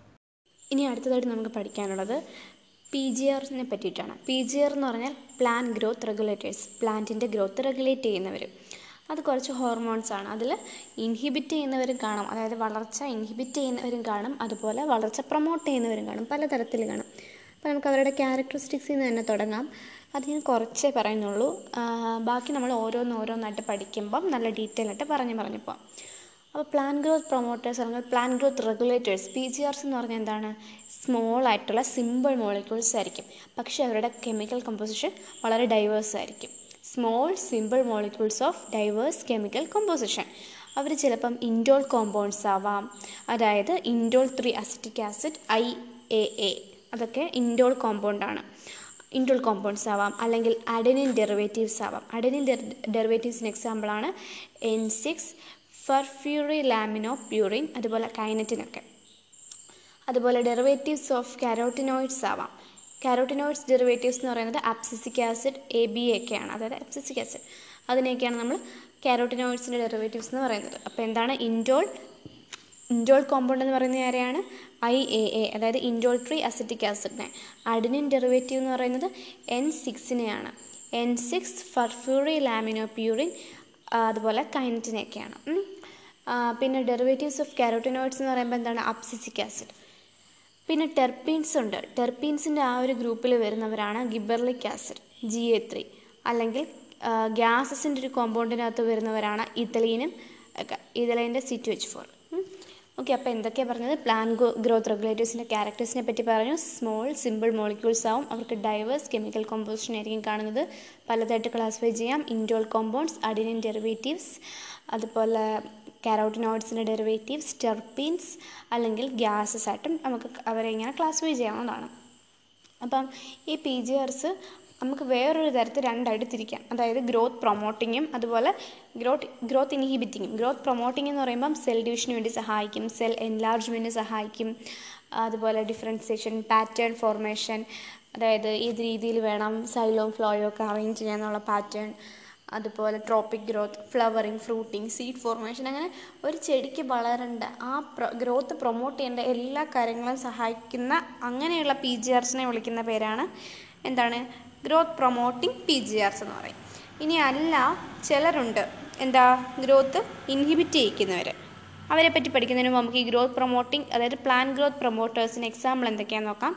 ഓക്സിൻസ് ഗിബർലിൻസ് അതുപോലെ സൈറ്റോകനൻസ് ഈ മൂന്ന് പേരാണ് പ്രധാനമായിട്ട് പ്ലാൻ ഗ്രോത്ത് പ്രൊമോട്ടേഴ്സ് ആയിട്ട് ആക്ട് ചെയ്യുന്നത്. ഓക്സിൻ ഗിബർലിൻസ് ആൻഡ് സൈറ്റോകനൻസ് ഇനി നമ്മൾ ഇത് ഇൻഹിബിറ്റ് ചെയ്യുന്നവരെ പറ്റി പറഞ്ഞു. പ്ലാൻ ഗ്രോത്ത് റെഗുലേറ്റേഴ്സിൽ പ്ലാന്റിന്റെ ഗ്രോത്ത് ഇൻഹിബിറ്റ് ചെയ്യുന്നവരുണ്ട്. നമ്മൾ പ്ലാൻ ഗ്രോത്ത് റെഗുലേറ്റർ എന്നുള്ളൊരു ടൈറ്റിലാണ് ഇവരെല്ലാം പഠിക്കുന്നത്. റെഗുലേറ്റ് ചെയ്യുക എന്ന് പറഞ്ഞാൽ നിയന്ത്രിക്കുക എന്നാണ് അർത്ഥം. പ്ലാന്റിന്റെ ഗ്രോത്ത് നിയന്ത്രിക്കുക. നിയന്ത്രിക്കുന്നവരിലാണ് വളരാൻ സഹായിക്കുന്നവരും അതായത് വളരാൻ സഹായിക്കുന്നവരും കാണും. അതുപോലെ തന്നെ വളരാൻ വളർച്ചയെ നശിപ്പിക്കുന്നവരും കാണും. അല്ലെങ്കിൽ വളർച്ച സ്റ്റോപ്പ് ചെയ്യിക്കുന്നവരും കാണും. അതാണല്ലോ നിയന്ത്രണം എന്ന് പറയുന്നത്. ഇപ്പോൾ കാറ് നിയന്ത്രിക്കുക വണ്ടി ഓടിക്കുക. കാറ് നിയന്ത്രിക്കുക എന്ന് പറഞ്ഞാൽ സ്പീഡിന് പോകാമെന്ന് മാത്രമല്ല ആവശ്യമുള്ളിടത്ത് ബ്രേക്ക് ചെയ്യുക. ബ്രേക്ക് ചവിട്ടി നിർത്തുക എന്നുമുണ്ട്. വളയ്ക്കേണ്ടടുത്ത് വളയ്ക്കുക തിരിക്കേണ്ടടുത്ത് തിരിക്കുക ഹോൺ അടിക്കേണ്ടടുത്ത് ഹോൺ അടിക്കുക. അങ്ങനെ ഒരുപാട് മീനിങ് കൂടി ഇല്ലേ? ഡ്രൈവ് ചെയ്യുക എന്ന് വെച്ചാൽ അർത്ഥം. അല്ലാതെ സ്പീഡിന് നേരെ അങ്ങ് പോകാമെന്നല്ലല്ലോ അതുപോലെയാണ് ഇവിടുത്തെയും കാര്യം. പ്ലാന്റിന്റെ ഗ്രോത്ത് റെഗുലേറ്റ് ചെയ്യുക എന്ന് വെച്ചാൽ അത് കൺട്രോൾ ചെയ്യുക നിയന്ത്രിക്കുക എന്നാണ്. അതായത് വേണ്ടിടത്ത് ഗ്രോത്ത് പ്രൊമോട്ട് ചെയ്യുന്നു അല്ലാത്തടത്ത് ഗ്രോത്ത് ഇൻഹിബിറ്റ് ചെയ്യുന്നു. ഇപ്പോൾ ഗ്രോത്ത് പ്രൊമോട്ട് ചെയ്യുന്ന മൂന്ന് ആൾക്കാരാണ് ഓക്സിൻസ് ഗിബർലൈൻ സൈറ്റോക്കനൻസ് അതുപോലെ തന്നെ ഗ്രോത്ത് ഇൻഹിബിറ്റ് ചെയ്യിപ്പിക്കുന്നവരും ഉണ്ട്. അപ്പോൾ അവരേതൊക്കെയായിരിക്കും അബ്സസിക് ആസിഡ് അതിൽ വരും. അതുപോലെ ഇഥിലീൻ അതിൽ വരും. അങ്ങനെ കുറച്ച് പേരാണ് ഇൻഹിബിറ്റേഴ്സായിട്ട് ആക്ട് ചെയ്യുന്നത്. പക്ഷേ ഇതിലീനൊക്കെ രണ്ട് ഗ്രൂപ്പിലും ഫിറ്റ് ചെയ്യും. ബട്ട് ലാർജ്ലി ഒരു ഇൻഹിബിറ്റർ ആയിട്ടാണ് ആക്ട് ചെയ്യുന്നത്. ഇനി ഇൻഹിബിറ്റിംഗ് എന്ന് പറയുമ്പോൾ നിങ്ങൾ വിചാരിക്കും എന്തുവാണെന്ന്. അതായത് ഡോർമെൻസി സീഡ് ഡോർമെൻസി നമ്മൾ നേരത്തെ പറഞ്ഞില്ലായിരുന്നു. സീഡ് ഡോർമെൻസി അതുപോലെ അപ്സിഷൻ സെനസെൻസ് ഇതിനൊക്കെ പ്രൊമോട്ട് ചെയ്യുന്ന ആൾക്കാരാണ്. അതായത് ഇലകൾ കൊഴിഞ്ഞു പോകാൻ മരം ഉണങ്ങിപ്പോകാൻ ഇതിനെയൊക്കെ പ്രൊമോട്ട് ചെയ്യുന്നവരെയാണ് ഇൻഹിബിറ്റേഴ്സ് എന്ന് പറയുന്നത്. ഓക്കെ അപ്പോൾ അതിന് ഉദാഹരണമാണ് എന്താ പറഞ്ഞത് ഇതലീനും അതുപോലെ എന്താ ബാക്കിയുള്ളവരും ഒക്കെ അപ്സിസിക് ആസിഡും എല്ലാം. അപ്പോൾ ഇനി അടുത്ത് നമ്മൾ നമ്മുടെ ടെക്സ്റ്റിലെ ടോപ്പിക്ക് ഓരോ പ്ലാന്റ് ഗ്രോത്ത് ഹോർമോണിന്റെയും ഡിസ്കവറിയെ പറ്റിയിട്ടാണ് ഇനി പറയുന്നത്. പക്ഷെ നമുക്ക് ആ ഡിസ്കവറി ഓരോന്നിനെയും പഠിക്കുമ്പോൾ തന്നെ പറഞ്ഞു പോകാം. നമ്മൾ ടെക്സ്റ്റിൽ ആദ്യം ഡിസ്കവറി പറയുന്നു. പിന്നീട് ഓരോ എന്താ പറയുക പ്ലാന്റ് ഗ്രോത്ത് റെഗുലേറ്റേഴ്സിനെ എടുത്തിട്ട് അവരുടെ ഫിസിയോളജിക്കൽ ഇഫക്റ്റ് പറഞ്ഞു പറഞ്ഞാണ് പോകുന്നത്. നമുക്ക് അങ്ങനെ പോകുന്നതിന് പകരം രണ്ടും കൂടെ കമ്പൈൻ ചെയ്ത് പറഞ്ഞു പോകാം. അതായത് ഓക്സിൻ പറയുകയാണെങ്കിൽ ഓക്സിന്റെ യൂസസ് ഓക്സിനെ പറ്റിയുള്ള ഡീറ്റെയിൽസ് ഓക്സിൻ എങ്ങനെയാണ് ഡിസ്കവർ ചെയ്തത്? ഈ മൂന്ന് കാര്യങ്ങളും കവർ ചെയ്ത് പോകാം. ഓക്സിൻ ഓക്സിൻസ് എന്ന് പറഞ്ഞാൽ എന്താണ്? ആ ഒരു ടേമിലേക്ക് ഇന്ന് നോക്കാം. അതൊരു ഗ്രീക്ക് ടേം ആണ്. അതിന്റെ അർത്ഥം ടു ഗ്രോ എന്നാണ്. അപ്പോൾ തന്നെ നമുക്കറിഞ്ഞൂടെ ഗ്രോത്ത് പ്രൊമോട്ടിംഗ് ആണ് ഓക്സിൻ എന്ന്. ഗ്രീക്ക് ടേമാണ് അർത്ഥം ടു ഗ്രോ എന്നാണ്. അപ്പോൾ ഇതിനെ എങ്ങനെയാണ് ഇതിന്റെ ഡിസ്കവറി അതാണ് നമ്മളിത് നോക്കാൻ പോകുന്നത്. എല്ലാ പി ജി ആർസിന്റെയും ഡിസ്കവറി ആക്സിഡന്റിലായിട്ടാണ് സംഭവിച്ചത്. അവരൊട്ടും നിനച്ചിരിക്കാതെ സംഭവിച്ച കാര്യങ്ങളാണ് ഇതിനായിട്ട് വേണ്ടി അവർ നടത്തിയതല്ല ആക്സിഡന്റലി അവർ ഡിസ്കവർ ചെയ്ത സംഭവങ്ങളാണ് അപ്പം ഓക്സിന്റെ കാര്യം എന്ന് പറഞ്ഞു കഴിഞ്ഞാൽ ആരാണ് ആദ്യം ചെയ്യുന്നത്? നമ്മുടെ ചാൾസ് ഡാർവിനും പുള്ളിക്കാരന്റെ മകൻ ഫ്രാൻസിസ് ഡാർവിനും കൂടെ എന്ത് ചെയ്തു? അവർ രണ്ടുപേരും കൂടെ കോളിയോപ്റ്റൈൽസ് ഓഫ് കാനറി ഗ്രാസ്. അതായത് കാനറി ഗ്രാസിന്റെ കോളിയോപ്റ്റൈൽ അവർ എക്സ് അതിനകത്ത് ഇങ്ങനെ ഓരോരോ എക്സ്പെരിമെന്റ്സ് നടത്താൻ തുടങ്ങി. നമുക്ക് ഫിഫ്റ്റീൻ പോയിന്റ് ടെന്നിലെ ഫിഗറിൽ കാണിക്കുന്നുണ്ട്. മൂന്ന് ഫിഗർ കാണാം A B C D sorry നാല് ഫിഗേഴ്സ് കാണാൻ പറ്റും. അതായത് experiment use to demonstrate the tip of the coleoptile is the source of auxin കോളിയോപ്റ്റൈലിന്റെ ടിപ്പാണ് എന്തിന്റെ സോഴ്സ് എന്ന് ഓക്സിന്റെ സോഴ്സ് എന്ന് അവർ ഡെമോൺസ്ട്രേറ്റ് ചെയ്തൊരു എക്സ്പെരിമെന്റ് ആണത്. കാരണം എങ്ങനെയാണ് അവർ ചെയ്തത്? കാനറി ഗ്രാസിന്റെ കോളിയോപ്റ്റയിലാണ് അവർ ഒബ്സർവ് ചെയ്തത്. അതെന്ത് അതെന്ത് ചെയ്തു? അല്ലെങ്കിൽ ആ എന്തുകൊണ്ടാണ് അവരതിനെ ഒബ്സർവ് ചെയ്തത്? കാരണം നമ്മൾ ഈ കോളിയോപ്റ്റൽസ് അല്ലെങ്കിൽ കാനറി ഗ്രാസിനെ വളർത്തിയപ്പോൾ അത് ഫോട്ടോട്രോപ്പിസം കാണാക്കാൻ തുടങ്ങി. ഫോട്ടോട്രോപ്പിസം നമ്മൾ ടെൻത്തിലൊക്കെ പഠിച്ചിട്ടില്ലേ? ലൈറ്റ് അടിക്കുമ്പോൾ വെട്ടത്തിന്റെ അടുത്തേക്ക് എവിടെയാണോ ലൈറ്റിന്റെ സോഴ്സ് ആ ലൈറ്റിന്റെ അടുത്തേക്ക് ഇത് തിരിയാൻ തുടങ്ങി. അതിനാണ് നമ്മൾ എന്തെന്ന് പറയുന്നത്? ഫോട്ടോട്രോപ്പിസം. അങ്ങോട്ടേക്ക് തിരിയും. നമ്മുടെ സൂര്യകാന്തി സൂര്യന്റെ അടുത്തേക്ക് തിരിയുന്ന പോലെ. എങ്ങോട്ടാണോ വെട്ടം അങ്ങോട്ടേക്ക് ചെടികൾ അങ്ങോട്ട് തിരിയാൻ തുടങ്ങും. അതേപോലെ കാനറി ഗ്രാസിന്റെ ക്വാളിറ്റിയിൽ എന്ത് ചെയ്യാൻ തുടങ്ങി? അങ്ങോട്ടേക്ക് തിരിയാൻ തുടങ്ങി. ലൈറ്റ് എങ്ങോട്ടേക്ക് വരുന്നു ആ ഒരു ഡയറക്ഷനിലേക്ക് തിരിഞ്ഞിരിക്കാൻ തുടങ്ങി. അവർക്ക് കൗതുകമായി. എന്തുകൊണ്ടാണ് ഇങ്ങനെ ലൈറ്റ് മാറ്റി വെച്ചിട്ടും അല്ല ഇങ്ങനെ തന്നെ സംഭവിക്കുന്നത്? അങ്ങനെ ഒരുപാട് സീരീസ് ഓഫ് എക്സ്പീരിമെൻസിന് ശേഷം അവരെന്ത് കൺക്ലൂഡ് ചെയ്തു? കോളിറ്റിയലിന്റെ ടിപ്പിൽ ആ ടിപ്പ് എന്തിന്റെ സൈറ്റാണ് it's a site of transmittable influence that cause the bending of entire കോളായിട്ടുള്ള അപ്പോൾ അതിന്റെ ആ ടിപ്പിൽ എന്തോ ട്രാൻസ്മിറ്റബിൾ ആയിട്ടുള്ള ഇൻഫ്ലുവൻസ് ഉണ്ട് എന്തോ ട്രാൻസ്മിറ്റ് ചെയ്യുന്ന ഇൻഫ്ലുവൻസ് ഉണ്ട് എന്തോ ഒരു സംഭവമുണ്ട് ഒരു സൂത്രമുണ്ട് അത് കാരണമാണ് ഈ എൻഡിയർ കോളിയോപ്റ്റയിലും എങ്ങോട്ടാണോ ലൈറ്റ് ഉള്ളത് അങ്ങോട്ടേക്ക് തിരിയുന്നതെന്ന്. ഓക്കെ പക്ഷേ ഇത് ആരെ ഒബ്സർവ് ചെയ്തത്? ചാൾസ് ഡാർവിനും പുള്ളിക്കാരന്റെ മകൻ ഫ്രാൻസിസ് ഡാർവിനുമാണ്. പക്ഷേ ഐസൊലേറ്റ് ചെയ്തത് ആരാണ്? എഫ് ഡബ്ല്യു വെന്റ് ആണ്. ആരാണ്? എഫ് ഡബ്ല്യു വെന്റ് പുള്ളിയാണ് എന്ത് ചെയ്തത്? ടിപ്സ് ഓഫ് കോളിയോപ്റ്റൈൽസ് ഓട്ട് സീഡ്ലിങ്സിന്റെ കോളിയോപ്റ്റൈലിന്റെ ടിപ്പ് ടിപ്പിൽ എന്ത് ചെയ്തു? പുള്ളി കുറേ എക്സ്പീരിമെന്റ്സ് ഒക്കെ നടത്തി നോക്കി. എനിവേ എക്സ്പീരിമെന്റ് എന്ന് പറഞ്ഞാൽ എന്താണ്? ലൈറ്റിന്റെ സോഴ്സിലോട്ട് ഓൾറെഡി ഫിഗർ എയിൽ നോക്കിയാൽ നമുക്ക് കാണാം. ലൈറ്റ് എങ്ങോട്ടേക്ക് ലൈറ്റിന്റെ ആരോ വരുന്നുണ്ടോ? ആ ഒരു ഡയറക്ഷനിലേക്കായിരുന്നു കോളിയോപ്റ്റൈൽ അത് അതിന്റെ ടിപ്പ് ഇങ്ങനെ തിരിഞ്ഞിരുന്നത് അങ്ങോട്ടേക്ക് തിരിഞ്ഞിരുന്നു. അപ്പോൾ അവർ ആ ടിപ്പ് റീജിയൻ കട്ട് ചെയ്ത് കഴിഞ്ഞപ്പോഴത്തേക്കും ലൈറ്റ് എവിടെ നിന്ന് വന്നിട്ടും അവൻ അങ്ങോട്ടേക്ക് തിരിയുന്നൊന്നുമില്ല. പുള്ളി നേരെ തന്നെ നിൽക്കുകയാണ്. അപ്പോൾ ഇവരെന്ത് ചെയ്തു? മുറിച്ച് കളഞ്ഞ ടിപ്പ് എടുത്ത് വീണ്ടും വെച്ചു. വീണ്ടും വെച്ചപ്പോൾ എന്ത് ചെയ്തു? അത് ആ ഒരു റീജിയനുമായിട്ട് വളർന്നു വന്നിട്ട് വീണ്ടും ലൈറ്റ് അടിക്കുന്നിടത്തേക്ക് തിരിയാൻ തുടങ്ങി. അപ്പോൾ അവർക്ക് മനസ്സിലായി ടിപ്പിലാണ് എന്തോ ഒരു സംഭവം ഇരിക്കുന്നത് എന്നവർക്ക് മനസ്സിലായി. പിന്നീടാണ് നമ്മുടെ എഫ് ഡബ്ല്യു വെന്റ് വന്നിട്ട് എന്ത് ചെയ്തത്?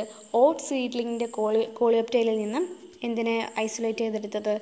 ഓക്സിനെ ഐസൊലേറ്റ് ചെയ്തെടുത്തത്. അങ്ങനെയാണ് ഓക്സിൻ ആദ്യമായിട്ട് ഡിസ്കവർ ചെയ്യുന്നത്. അപ്പോൾ ഒബ്സർവ് ചെയ്തത് ആരൊക്കെയാണ്? ചാൾസ് ഡാർവിനും പുള്ളിയുടെ മോനും. പക്ഷേ ഐസൊലേറ്റ് ചെയ്തത് ആരാണ്? എഫ് ഡബ്ല്യു വെന്റാണ് മറന്നു പോകരുതേ. ഇനി നമ്മുടെ എഫ് ഡബ്ല്യു വെന്റ് എവിടെ നിന്നാണ് ഐസൊലേറ്റ് ചെയ്തതിനെ ക്വസ്റ്റ്യൻ ചോദിക്കും. ഹ്യൂമൺ യൂറിനിൽ നിന്നാണ് എഫ് ഡബ്ല്യു വെന്റ് എന്ത് ചെയ്തത്? ഓക്സിനെ എന്താ പറയുക ഐസൊലേറ്റ് ചെയ്തെടുത്തത്. ഇനി നാച്ചുറൽ ഓക്സിജൻ എന്ന് പറയുന്നത് ഐ എയും ഐ ബി എയും ആണ്. ഐ എ എ എന്ന് പറഞ്ഞു കഴിഞ്ഞാൽ indole three acetic acid I B A എന്ന് പറഞ്ഞാൽ indole butyric acid I A ഉണ്ട് ഐ ബി എയും ഉണ്ട്. ഇനി അടുത്ത ടോപ്പിക്ക് സിന്തറ്റിക് ഓക്സിൻ ആണ്. അത് നാച്ചുറൽ ഓക്സിൻ പോലെ തന്നെ സിന്തറ്റിക് ഓക്സിൻ ഉണ്ട്. അതെന്തൊക്കെയാണ്? എൻ എ എയും ടു ഫോർ ഡിയും എൻ എ എന്ന് പറയുമ്പോൾ naphthalene acetic acid. Two four D എന്ന് പറയുമ്പോൾ two four dichloro phenoxy acetic okay two four di dichloro phenoxy acetic അപ്പോൾ ഇത്രയും പേരാണ് ഒരു അതിന്റെ ഒരു ക്ലാസിഫിക്കേഷൻ എന്ന് പറയുന്നത്. അപ്പോൾ എന്തൊക്കെ നമ്മൾ പറഞ്ഞു? ഓക്സിൻ ഗ്രീക്ക് ടേമാണ് ടു ഗ്രോ എന്നാണ് അർത്ഥം. ആദ്യമായിട്ട് ഐസൊലേറ്റ് ചെയ്തത് എഫ് ഡബ്ല്യു ആണ്. എവിടെ നിന്നാണ് ഹ്യൂമൻ യൂറിനിൽ നിന്നും. നാച്ചുറൽ ഓക്സിജൻ എന്നറിയപ്പെടുന്നത് ഐ എയും ഐ ബി എയും ആണ് I A indole three acetic acid I B A indole butyric acid synthetic auxin N A A naphthalene acidic acid two four D two four dichloro phenoxy acetic acid ഇല്ല കേട്ടോ acetic വരെ ഉള്ളേ പിന്നെ ഇത് പ്രധാനമായിട്ടും use ചെയ്യുന്നത് agricultural horticulture പ്രാക്ടീസസിനൊക്കെയാണ് പിന്നെ പുള്ളിക്കാരന്റെ പരിപാടി എന്തൊക്കെയാണ്? എന്തിനൊക്കെയാണ് നമ്മളെ സഹായിക്കുന്നത്? അതാണ് നമ്മൾ ഏറ്റവും നന്നായിട്ട് പഠിച്ചിരിക്കേണ്ട കാര്യങ്ങൾ എന്തൊക്കെയാ? പ്രധാനമായിട്ടും മൂന്നും മൂന്നും ആറും ഒന്നും ഏഴ്. ഏഴ് കാര്യങ്ങളാണ് ഓക്സിജൻ ഹെൽപ്പ് ചെയ്യുന്നത്. നമ്മൾ എൻ സി ആർ ടിയിൽ പറഞ്ഞിരിക്കുന്ന ഏഴ് പോയിന്റുകൾ ഏതൊക്കെയാണെന്ന് നോക്കാം. ആദ്യത്തത് ഇവൻ മെയിൻലി ഒരു ഗ്രോത്ത് പ്രൊമോട്ടിംഗ് ആയിട്ടുള്ള ആളാണെന്ന് ഓർക്കണം. അപ്പോൾ എന്തിനു വേണ്ടിയിട്ടായിരിക്കും?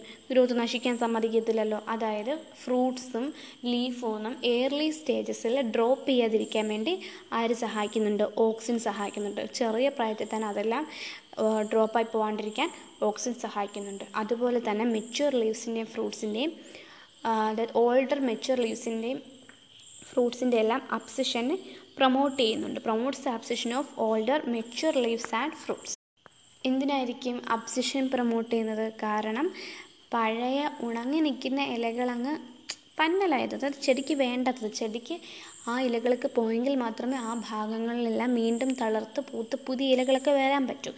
അതുകൊണ്ട് ആ ഒരു കാരണം കൊണ്ട് മാത്രം എന്ത് ചെയ്യുന്നുണ്ട്? ഓൾഡർ ആയിട്ടുള്ള മെച്ചുവർ ആയിട്ടുള്ള ലീവ്സിനെയും ഫ്രൂട്ട്സിനെയും എല്ലാം അപ്സിഷൻ പ്രൊമോട്ട് ചെയ്യുന്നുണ്ട്.